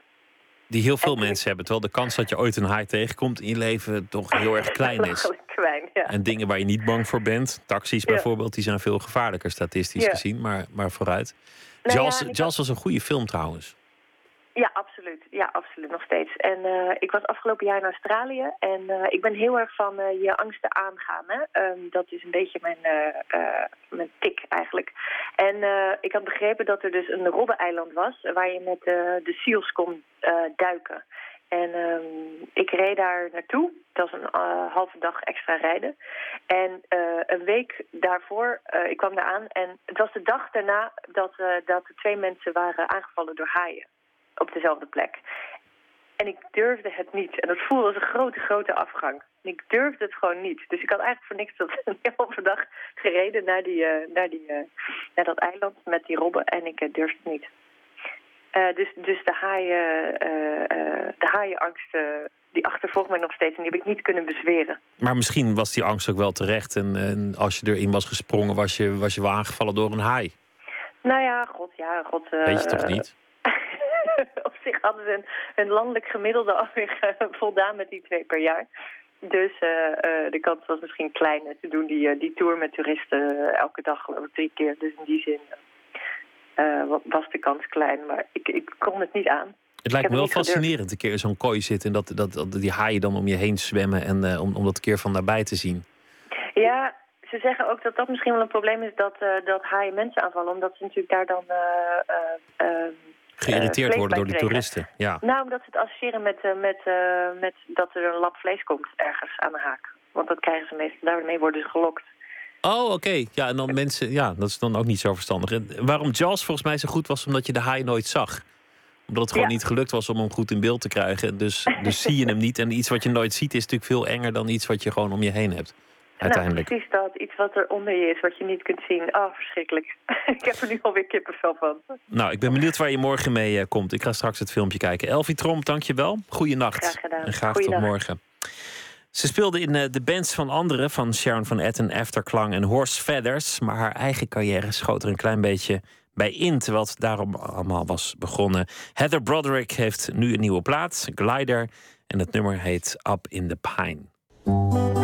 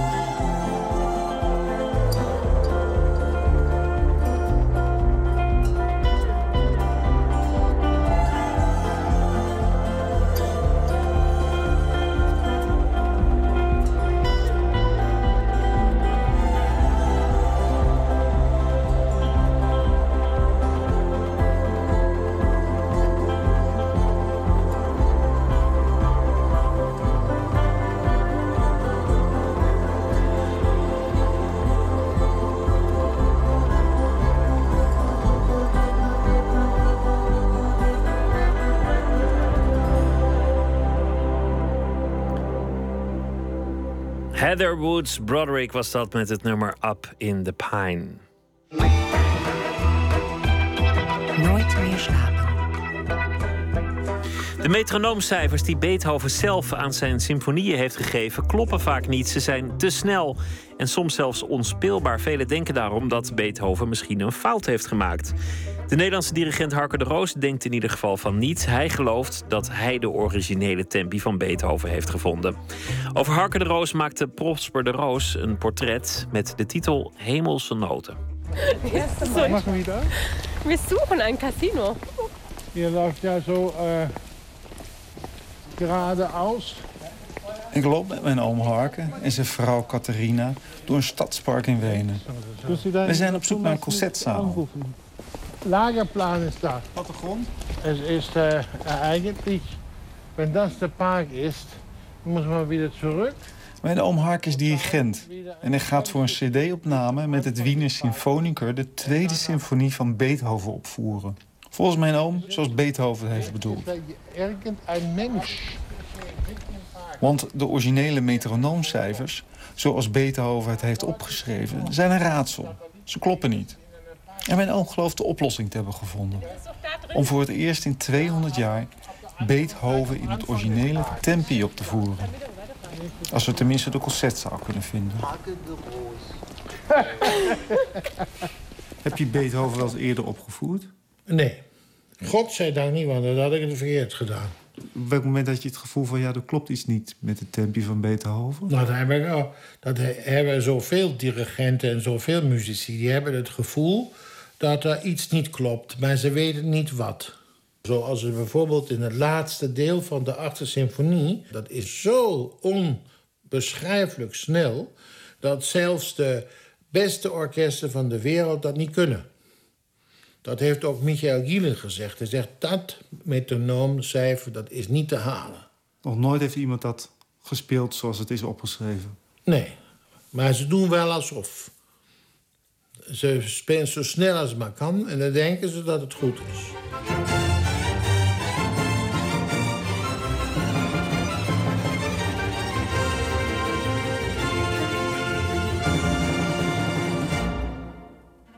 Maar ik weet nog heel goed dat ik heb gedacht... ik moet het dus één keer oplossen. Waarom dat de metronoom tempo te snel is.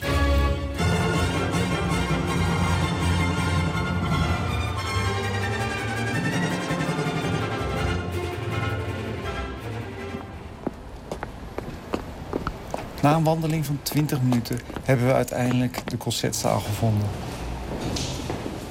Het is een groot neoclassicistisch gebouw in het centrum van Wenen. In de gangen hangen portretten van alle grote componisten. Lana, Verdi, Aubert, aber wo ist der Beethoven? Ist er auch dabei? Mozart. Sie wurde, ja?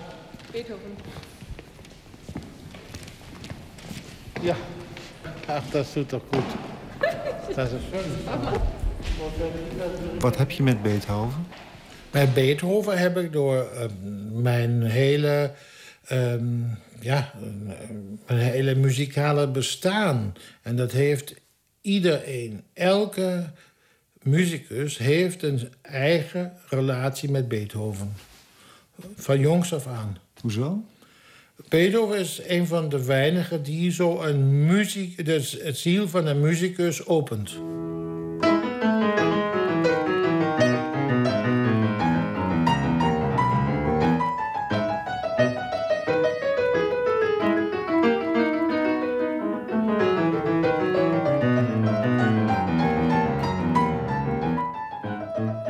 En, en, en wat bracht dat voor jou? Ik wilde Beethoven-pianist worden. En toen heb ik me een half jaar vrijgemaakt, een half jaar, om deel te nemen aan een Beethoven-concours, een pianoconcours in Wenen. Ik heb me destijds eh, zozeer met eh, Beethoven geïdentificeerd dat ik ook daar wilde uitzien als hij. Er was een jeugdportret van Beethoven met zulke eh, krullen. Hè? Toen ben ik naar een Weense kapper gegaan, of een kapster. Hebben dat laten zien. En eh, dat, eh, dat, die, dat portret van Beethoven, dus ja, kan ik dat ook krijgen? Dus die is het eh, een uurtje mee bezig geweest. En toen zag ik er inderdaad uit met zo'n hoog voorhoofd. Helemaal als Beethoven.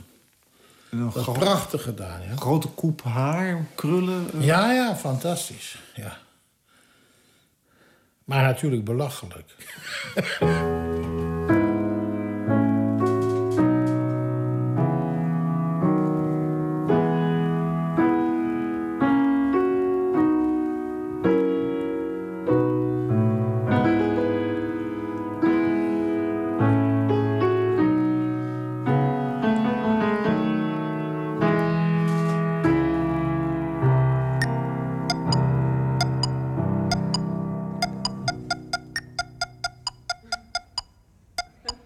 De Scheuters Dienstes. Aber warum? Das hat doch immer geklappt. Niet ganz. Dieses piep. Ben je raus. Ah, dat moet wel anders. Zo heb ik es. De ene heb ik op 200 en de andere op 66. Wow. Ben een beetje. Stijfjes. Ja. We zitten in de repetitiekelder met het vertallige Wiener Symfoniker. Waar heeft twee dagen om het orkest van het nieuwe Tempi te overtuigen. Harken de roos, staat hij vast aan.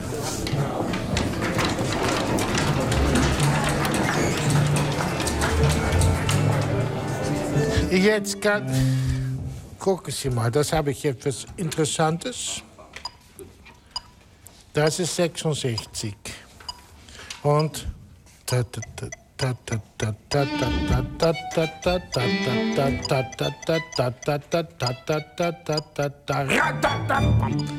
Ja? Also, ganz anderes Tempo, als man gewohnt ist. In 1817 werd het metronoom uitgevonden. En Beethoven heeft het er meteen opgestort. En er steekt een bepaalde opzet achter, achter deze metronoomcijfers... die men niet heeft gezien. Waarom had je het gevoel dat jij dat moest oplossen? Voor mezelf wilde ik het oplossen. Ik had nog helemaal niet het gevoel dat ik een soort missie had. En dat was voor mezelf, wilde ik dat probleem oplossen. En ben daarom ook naar uh, Swarovski gegaan. Naar zijn dat? cursus. Hans Swarovski, de leraar. Die, lera- legendaire dirigentenleraar. Die was een specialist in temporelaties. En het was de enige dirigent die zei die, dat je die metronoomcijfers serieus moest nemen. Heeft de- van al zijn leerlingen geëist dat ze dat werkelijk serieus nemen en doorzetten. Wat ze niet doen overigens. Lorraine Mazel doet het niet en ook uh, um, Zubin Mehta niet. Ze willen helemaal, ze willen niet weten wat uh, Beethoven precies met zijn tempovoorschriften bedoelt. Want dat betekent dat je vrijheid verliest. Maar op welk moment werd het voor jou een missie? Nou ja, missie werd het eigenlijk toen, pas toen ik het heb ontdekt wat erachter zat. Wanneer was dat? Dat was op 13 maart 1986. Er was de contact met Beethoven, was er. En het was een mooie lentedag. Het was, daarvoor was het slecht weer geweest. En ineens was het een aangenaam weertje. Bloemenlucht en alles. Maar wat gebeurde er op 13 maart? Ik heb het uh, ineens gezien dat het ontzettend eenvoudig is. Hij heeft sommige tempi heeft hij verdubbeld. Andere heeft hij weer gehalveerd. Andere heeft hij met een verhouding van 2 staat tot 3. Het is een kwintverhouding. Het was een soort Eureka-inval. Ja, zeker, natuurlijk. Want daarna heb ik uh, ook alle andere getallen kunnen vinden. Ik heb gemerkt dat Beethoven het opzettelijk had gedaan. Ja. Ja, dat is toch waarschijnlijk. Bij...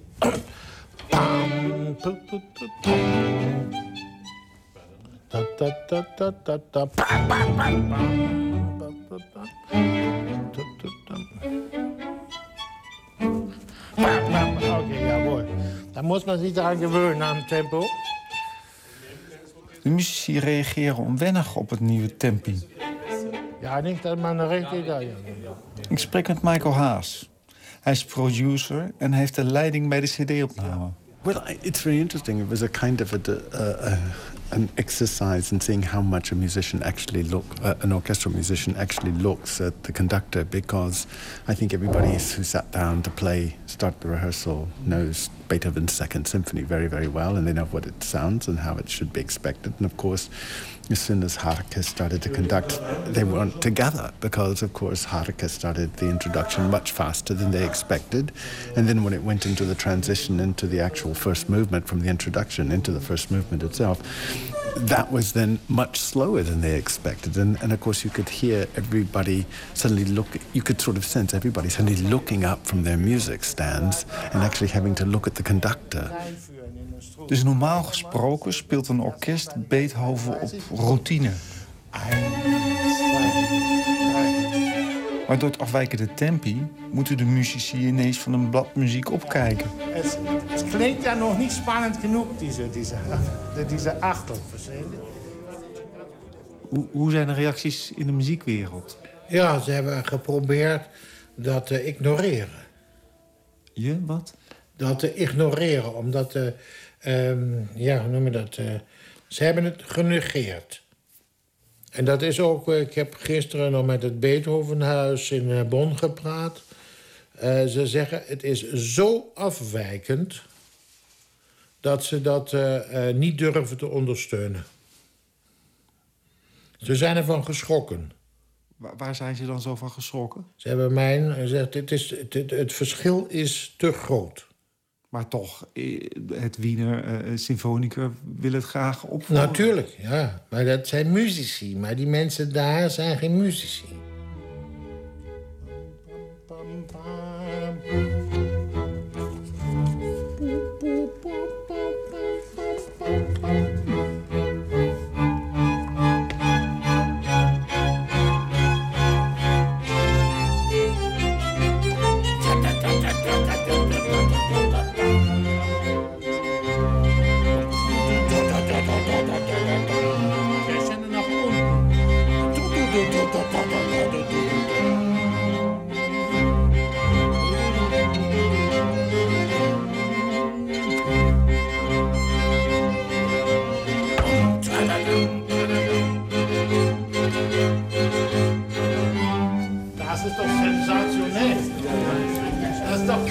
Klasse. Das ist. Sieh mal, man, man braucht doch den Dirigenten. Gott sei Dank. Ich dachte, aber in der Zeit von Beethoven hat man gar Dirigent.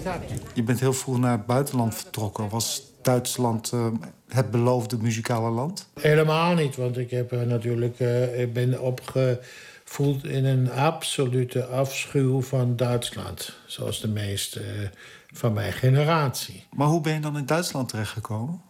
Ik was daarna da- destijds natuurlijk zeer gefixeerd op het dirigentenberoep. En eh Swarovski had tegen mij gezegd, en ook tegen de andere eh, leerlingen... van eh, als je dirigentenberoep wil leren... moet je minstens tien jaar als repetitor zijn geweest in de opera. Want daar leer je het vak werkelijk. En dat heb ik dan ook gedaan. Ik ben tien jaar lang, minstens tien jaar lang, repetitor geweest in grote operahuizen. In de operahuizen van Keulen en van Berlijn, het Duitse Oper Berlin. Maar die glansrijke carrière die dan daarop zou moeten volgen, is uitgebleven. En het is moeilijk om te verklaren waarom het zo is gekomen. Maar een van deze redenen is wel dat ik eh, ehm, in de clinch geraakt ben met eh, politieke stromingen, zonder dat ik het wilde. Want destijds had ik voor politiek helemaal geen interesse. In 1983 werd Harker gevraagd om een herdenkingsconcert te dirigeren. Ter ere van het Duitse verzet tijdens de nazi-terreur. Het zou zijn carrière een onverwachte wending geven. Nou ja, ik was eh, heel naïef. En toen ik werd gevraagd om daar de Duitse symfonie van Hans Eisler te dirigeren... wat een heel groot werk is met orkest, koor, met solisten... ook teksten van Bertolt Brecht. Heb ik gezegd, natuurlijk, dat is fantastisch. Dat is een geweldige daad. Het was ook een heel groot orkest. Het Radio Symfonieorkest eh, Berlin, dat was een orkest wat uh, zogezegd uh, een hele grote reputatie had.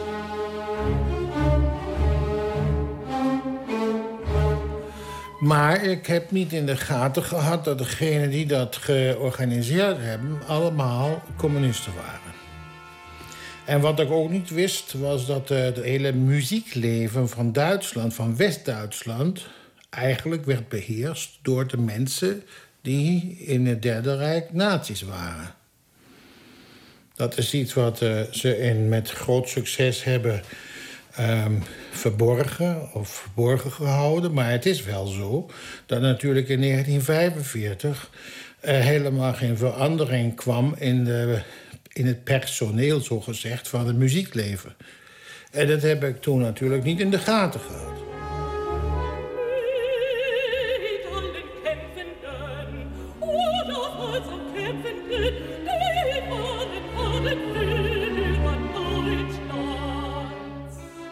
Maar even terug naar het herdenkingsconcert. Dat, dat was dus een politiek concert.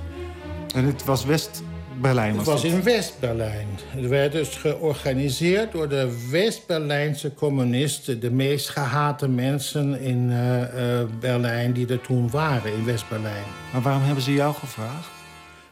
Omdat ik te dom was. Ja, te naïef. Maar sindsdien is het bergafwaarts gegaan? Met je Sindsdien was ik de vijand nummer één. Ze dachten dat je een communist was? Ja. Maar het is niet zo dat ik ergens op een lijst sta, zo'n machinist. Hè? Met, ja, natuurlijk heb ik een verbod gekregen. Maar dat was niet uitgeschreven. Hoe merk je dat? Ik heb overal waar ik solliciteerde, aan de orkesten, aan de Duitse operahuizen... heb ik dat duidelijk gemerkt. Hoe dan? Dat ze eerst enthousiast waren en als het er dan om ging om een handtekening te zetten, dan was er iets gebeurd. En toen heb ik ook uh, uh, me beklaagd bij die communistische uh, vriendjes van me in Berlijn. Ik zeg, ik, heb, geloof, ik heb moeilijkheden. Hij zegt, dat, dat, dat hebben we allemaal. Dat is ja, daar kunnen we een hele hoop over vertellen. Maar dat wil ik nou helemaal niet gaan aanklagen of zoiets dergelijks. Want uh, ik heb toch nog een positie gekregen, begeerde titel van generaalmuziekdirector. Maar waar? In Eisenach. Maar goed, dat zijn weer dingen die leiden weer af van de muziek zelf. Zullen we zo aan de piano gaan? Ja. Ja? Zo, ja, daar hebben we het, daar hadden we het even. 76. Uh, een van de meest markante voorbeelden is... is het laatste deel van de Eroica.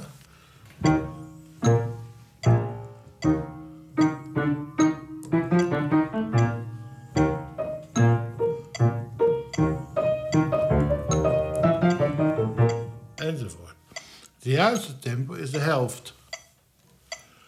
En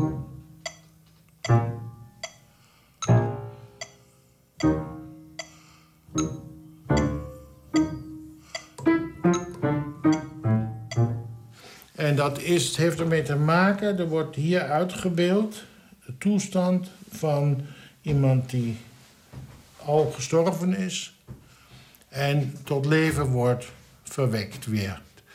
Je hoort hier hoe die langzaam weer terugkomt in het leven.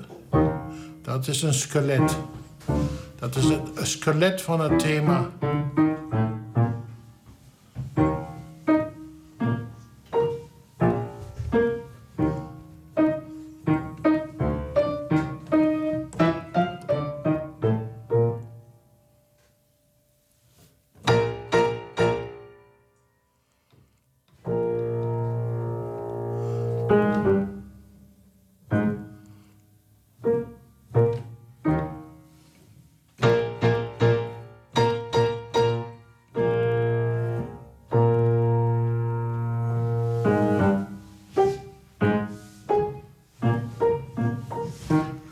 Langzaam komt de doden tot leven.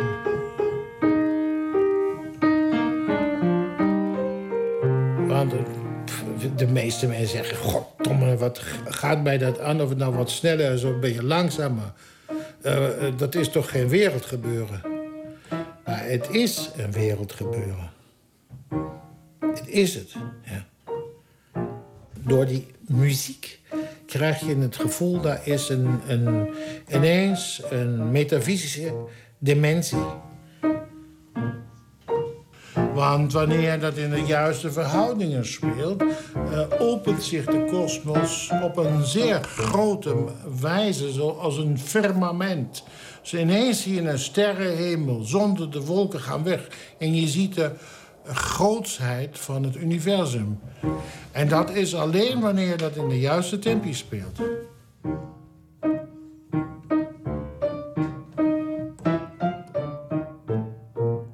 Maar volgens jou heeft Beethoven met opzet verkeerde metronoomcijfers erbij gezet. Hij heeft het bewust verkeerd opgeschreven om zijn interpreten een spiegel voor te houden. Een lachspiegel. Hij heeft allemaal alles overdreven wat ze toen al verkeerd deden. Waarom zou hij dat doen? En ik zeg maar, wanneer, dat is hetzelfde wanneer een leraar op het bord schrijft... 6 plus 6 is 36. Ja? En hij kijkt rond. Wanneer hij dat op het bord schrijft, kijkt hij hoe zijn leerlingen erop reageren. Wat wil hij daarmee? Wil hij daarmee de mathematische wetten buiten werking zetten? Nee, hij wil weten of ze opletten. 6 keer 6 is 36. 6 plus 6. Oh, 6 plus 6. Hij schrijft 6 plus 6 is 36. Dus in jouw interpretatie zijn die verkeerde metronoomcijfers een test. Ja, natuurlijk ook. Een spelletje aan de ene kant met hele mooie temporelaties die je dan weer in elkaar moet zetten. Een soort bouwpakketje. Een, een, eh, zo, zo, je moet dus eigenlijk het werk zelf in elkaar zetten. Is het normaal om je metronoomcijfers in een eh, raadsel te gieten? Natuurlijk niet. Maar was Beethoven normaal? Deze man heeft iets meegemaakt wat eh, aan de grondvesten van het menselijke bestaan tangeert. Alleen maar vanwege al zijn eh, lot dat hij zijn gehoor heeft verloren. En dat is een, een, een, een eh, onmogelijke, onmogelijk, hoe noem je dat, eh, lot wat iemand treft. Hij zegt, ik ben gelukkig omdat hij wist dat hij een speciale be- begaafdheid had. Hè. En aan de andere kant ongelukkig omdat hij dat niet kon horen. Vandaag is de grote dag van de cd-opname. We gaan per taxi naar de concertzaal. Ja? En zo weet ik gewoon niet weer. Dan neem mijn vriend mijn, mijn waffen, dat is hier zijn heen. Osbo, eine Bitte, eine Bitte. Du darfst kein Instrument umwerfen.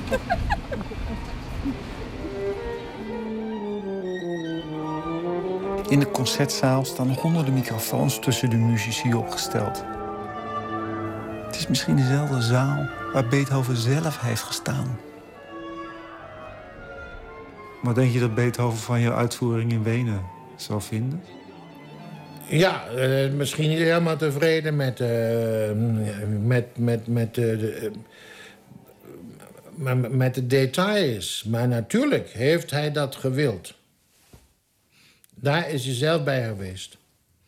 Dat gevoel dat hij over je schouder meekeek. Eh, nou ja, Beethoven zelf niet, maar het zijn, eh, zoals gezegd, zijn muzen. Feedback aus, bitte. Ja, ja ist es aus? Dankeschön.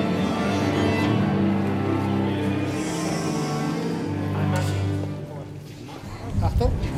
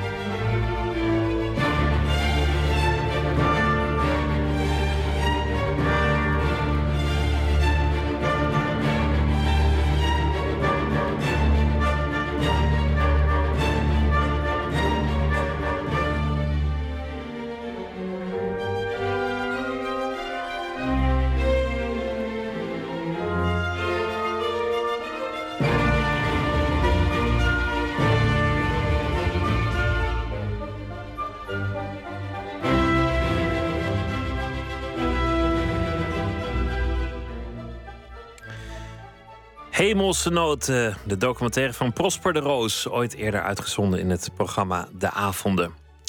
We gaan iets heel anders eh, beluisteren. Ondanks was hij nog eh, te gast in dit programma, Douwe Bob. Hij heeft een uitvoering gemaakt van een nummer van Miley Cyrus.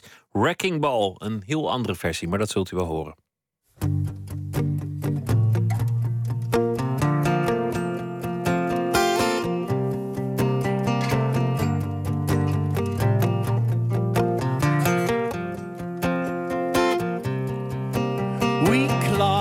Chained our hearts in vain. We jumped, never asking why.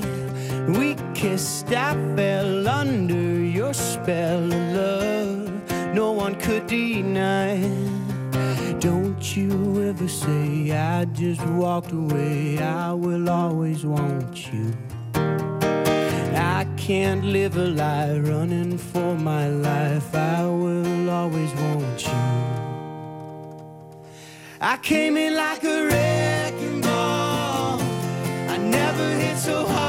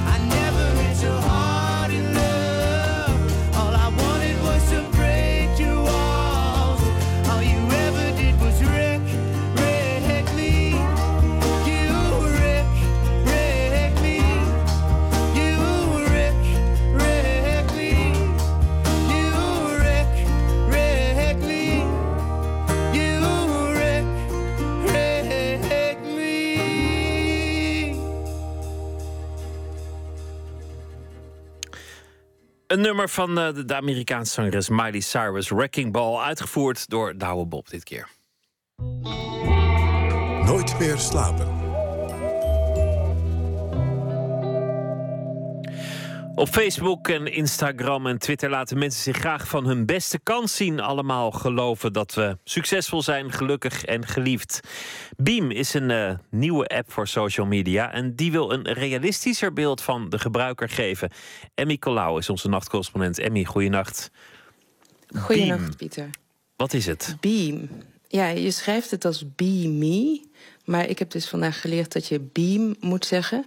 En er is een enorme bus over op internet. Ik heb net nog even gecheckt. Op Twitter verschijnen ongeveer elke seconde acht nieuwe tweets over beam. En ehm, hij is al zo vaak gedownload dat de makers zelfs hun excuses al aan hebben geboden voor het feit dat hij crashte vanavond. En het is een initiatief van Casey Neistat. En dat is een filmmaker die op YouTube meer dan 800.000 abonnees heeft. En die weet dus wel een beetje hoe je zo'n hypeje creëert rondom de lancering van een nieuwe app. En Joost Krijnen, dat is een van de mensen die vandaag die app gedownload he- heeft om te testen. En hij is een ontwerper bij een bedrijf dat websites en applicaties maakt. En hij legde mij uit wat het verschil is tussen Beam en alle bestaande social media platforms. alles wat je ziet op social media, dus vooral op Facebook en Instagram en Twitter en dergelijke, dat zijn eigenlijk afbeeldingen die mensen zo selecteren, waardoor het lijkt alsof heel hun leven geweldig is. Dus er is heel veel curatie. Dus alle foto's die je van jezelf maakt zijn gewoon super mooi. Alle omgevingen die je plaatst, die zijn heel mooi en dergelijke. En bij Beam is de insteek zo dat je dus niet ziet wat je post. Eh, en je kan het scherm niet bekijken terwijl je post. Dus je kan eigenlijk geen keuze maken of het nou mooi of lelijk is. Je post gewoon de realiteit op dat moment. Ehm, en die insteek vond ik gewoon heel grappig. Ja, heeft het dus eigenlijk over wat ze dan in het Engels noemen je, je curate het zelf. Dus dat je eigenlijk je curator bent van je eigen tentoonstelling. Waarin je je leven precies zo laat zien aan de wereld als jij dat zelf wil. En dat heeft natuurlijk meestal helemaal niks met de realiteit te maken. En het idee achter Beam is dat die, die, die innerlijke curator weer wegvalt. En Joost Krijnen die legt uit hoe ze daarvoor proberen te zorgen. Er zit een sensor op je telefoon en die detecteert of je je telefoon bij je gezicht houdt, zodat de touchscreen uitgaat. Want anders zou je, als je aan het bellen bent, eigenlijk constant met je oor op allerlei knoppen drukken. En zij gebruiken diezelfde sensor. Dus op het moment dat die sensor doorgeeft dat er iets voor het scherm staat, dan begint de camera gewoon op te nemen.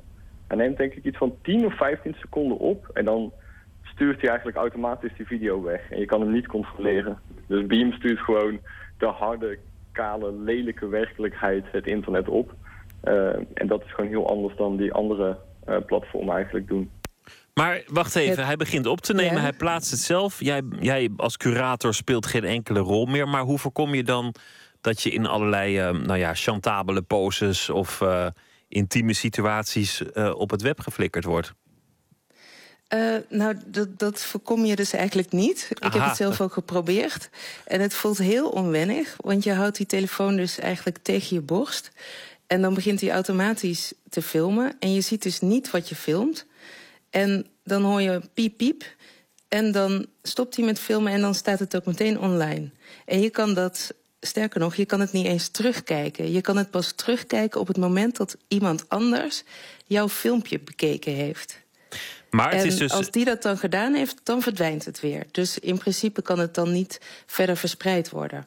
Oké, maar het is. zullen daar wel weer je moet wel iets doen. worden. Dus je kunt je telefoon gewoon wegstoppen, dan gebeurt er niks. Je moet wel een bepaalde handeling verrichten om, om, het, eh, om, om het allemaal in werkelijkheid eh, eh, te brengen. Ja, het is niet dat hij zomaar gaat filmen, maar het voelt toch heel anders dan wanneer je gewoon twintig foto's maakt en dan denkt: oh ja, nou deze sta ik wel aardig op. Die kan ik eh, uploaden en die andere die gooi ik snel in de prullenbak. Maar nou is de grote vraag: willen mensen dit wel? Want, want volgens mij is een van de aspecten van het succes van Facebook juist dat mensen het gebruiken om zichzelf tentoon te stellen als een eh, buitengewoon eh, glamorous, interessant en sympathiek wereldlievend persoon. Zit ze eigenlijk wel te wachten op het verspreiden van die kale werkelijkheid? En zitten anderen wel te wachten op de kale werkelijkheid van hun vrienden? Ja, dat, dat vroeg ik me ook heel erg af. Ik had er een beetje mijn twijfels bij. En ik ben even langs gegaan bij Francisco van Jolen van joop.nl. En hij is eigenlijk ook internetdeskundige. Hij was een van de eerste die, die eh, eh, blogs bijhield. En hij was ook de eerste die mij vertelde van... ja, Twitter, dat wordt het echt helemaal. En ik geloofde hem niet, maar hij had toch eh, gelijk. Dus ik vertrouw zijn mening een beetje. En hij denkt dat we inderdaad op die kale werkelijkheid totaal niet zitten te wachten.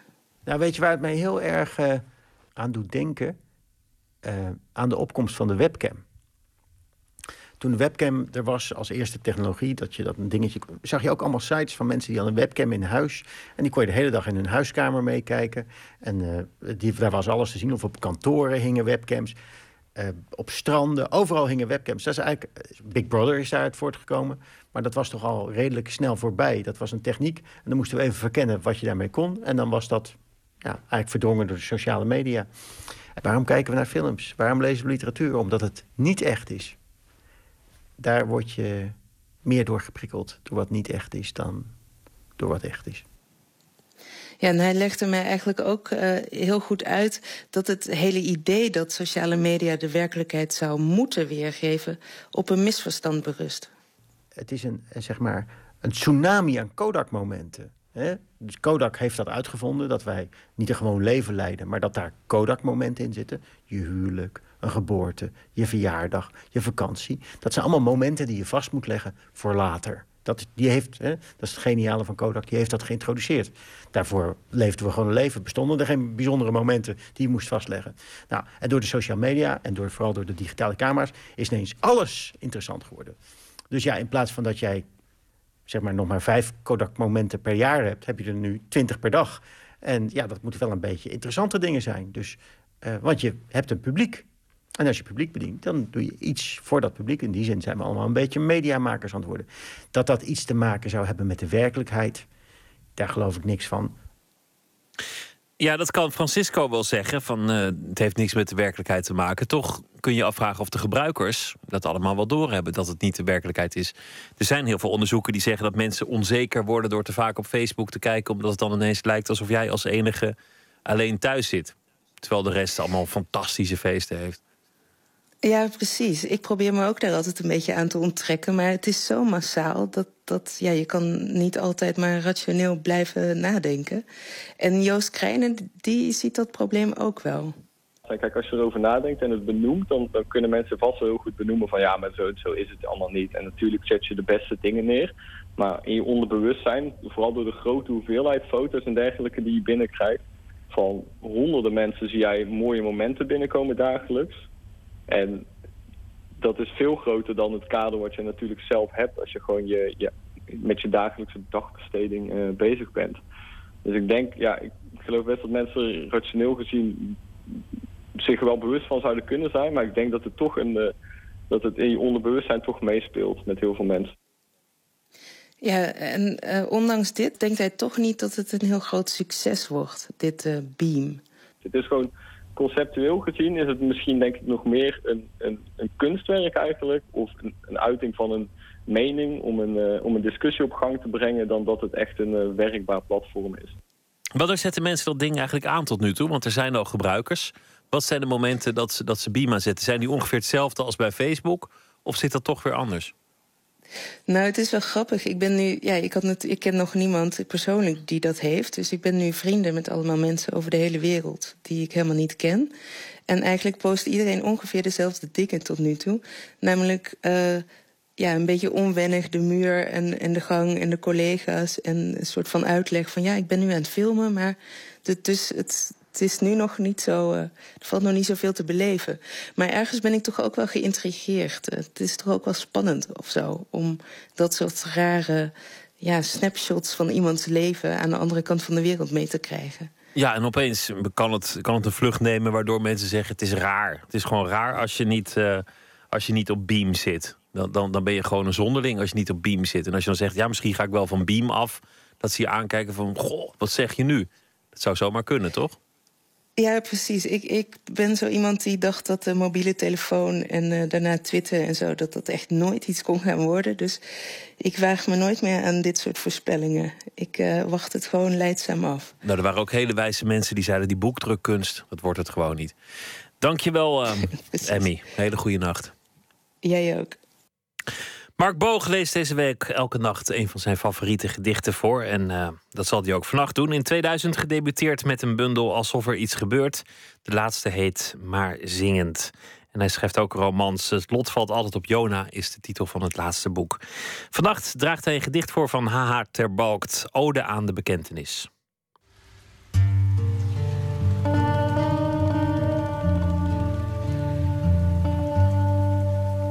Afgelopen maart overleed H.H. Terbalkt. In alle opzichten een grote dichter en een unieke. Ik zou niet weten met wie ik hem moest vergelijken. Ik heb ooit samen met hem een bundel eh, geschreven... waarin we reageerden op elkaars gedichten. Bij de presentatie van zijn verzamelde gedichten vorig jaar... las hij zelf dit gedicht voor, Ode aan de betekenis. De titel is al mooi en eh, ook wat eh, provocatief. Maar hij heeft natuurlijk gelijk, de betekenis schiet er nog wel eens, in, nog wel eens bij in, in de poëzie. Dat is eigenlijk altijd een vergissing. Ik heb Ter Balks stem niet, die is, eh, was heel bijzonder. Helaas, maar hier komt hij. Ode aan de betekenis. Een bietenveld is een bietenveld is een bietenveld. De A73 is de A73. Niet de A72, maar de A73 en let op de weg. De motregen is de motregen en niets dan de motregen. Maar pas op dat de motregen geen gaten brandt in je hart. En Troje voor de Trojanen, maar niet in Troje. De Trojanen op een vrolijk terras. De spookrijders zijn vaak andere dan de spookrijders. De gloeilamp in het mastbos is deze en geen andere gloeilamp. En de ster Venus is de ster Venus en niets dan de ster Venus. Schuw de nachtschade en een koud hart vol van rach. En beteugel ons, elektronen, en beteugel ons. Laat af te morrelen aan eeuwenoude ketens. De Itchen is de Itchen is de rivier de Itchen. En God allemachtig, Venus helpt mij, een kreeft is een kreeft. Nu het sterfbericht doorkwam van de eiken, zijn de eiken, zon helpt de eiken, niet meer, niet langer de vieren eiken. Zagen en bijlen tegen de rolwagens, tegen de rolwagens alleen, en Troje voor de Trojanen, maar niet in Troje. Richt een kleine, heel kleine obelisk op voor de knecht, de trouwe knecht van hemel en aarde, de doortochtbereider. Een kleine obelisk voor de voorzegger van de komst en zijn gangen geen metrogangen.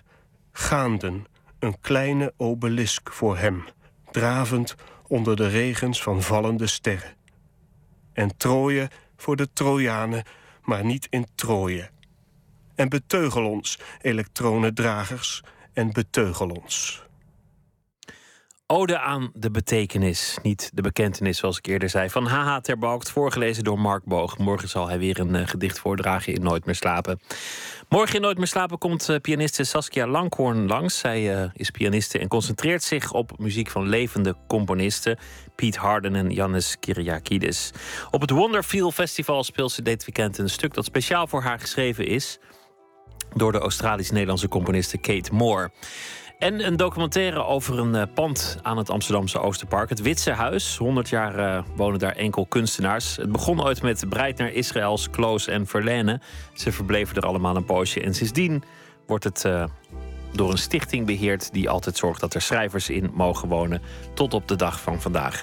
Dat allemaal morgen in Nooit meer slapen. En zometeen kunt u luisteren naar Nog Steeds Wakker... Ik wens u een hele goede nacht en eh, morgen een leuke dag. En graag weer tot morgen.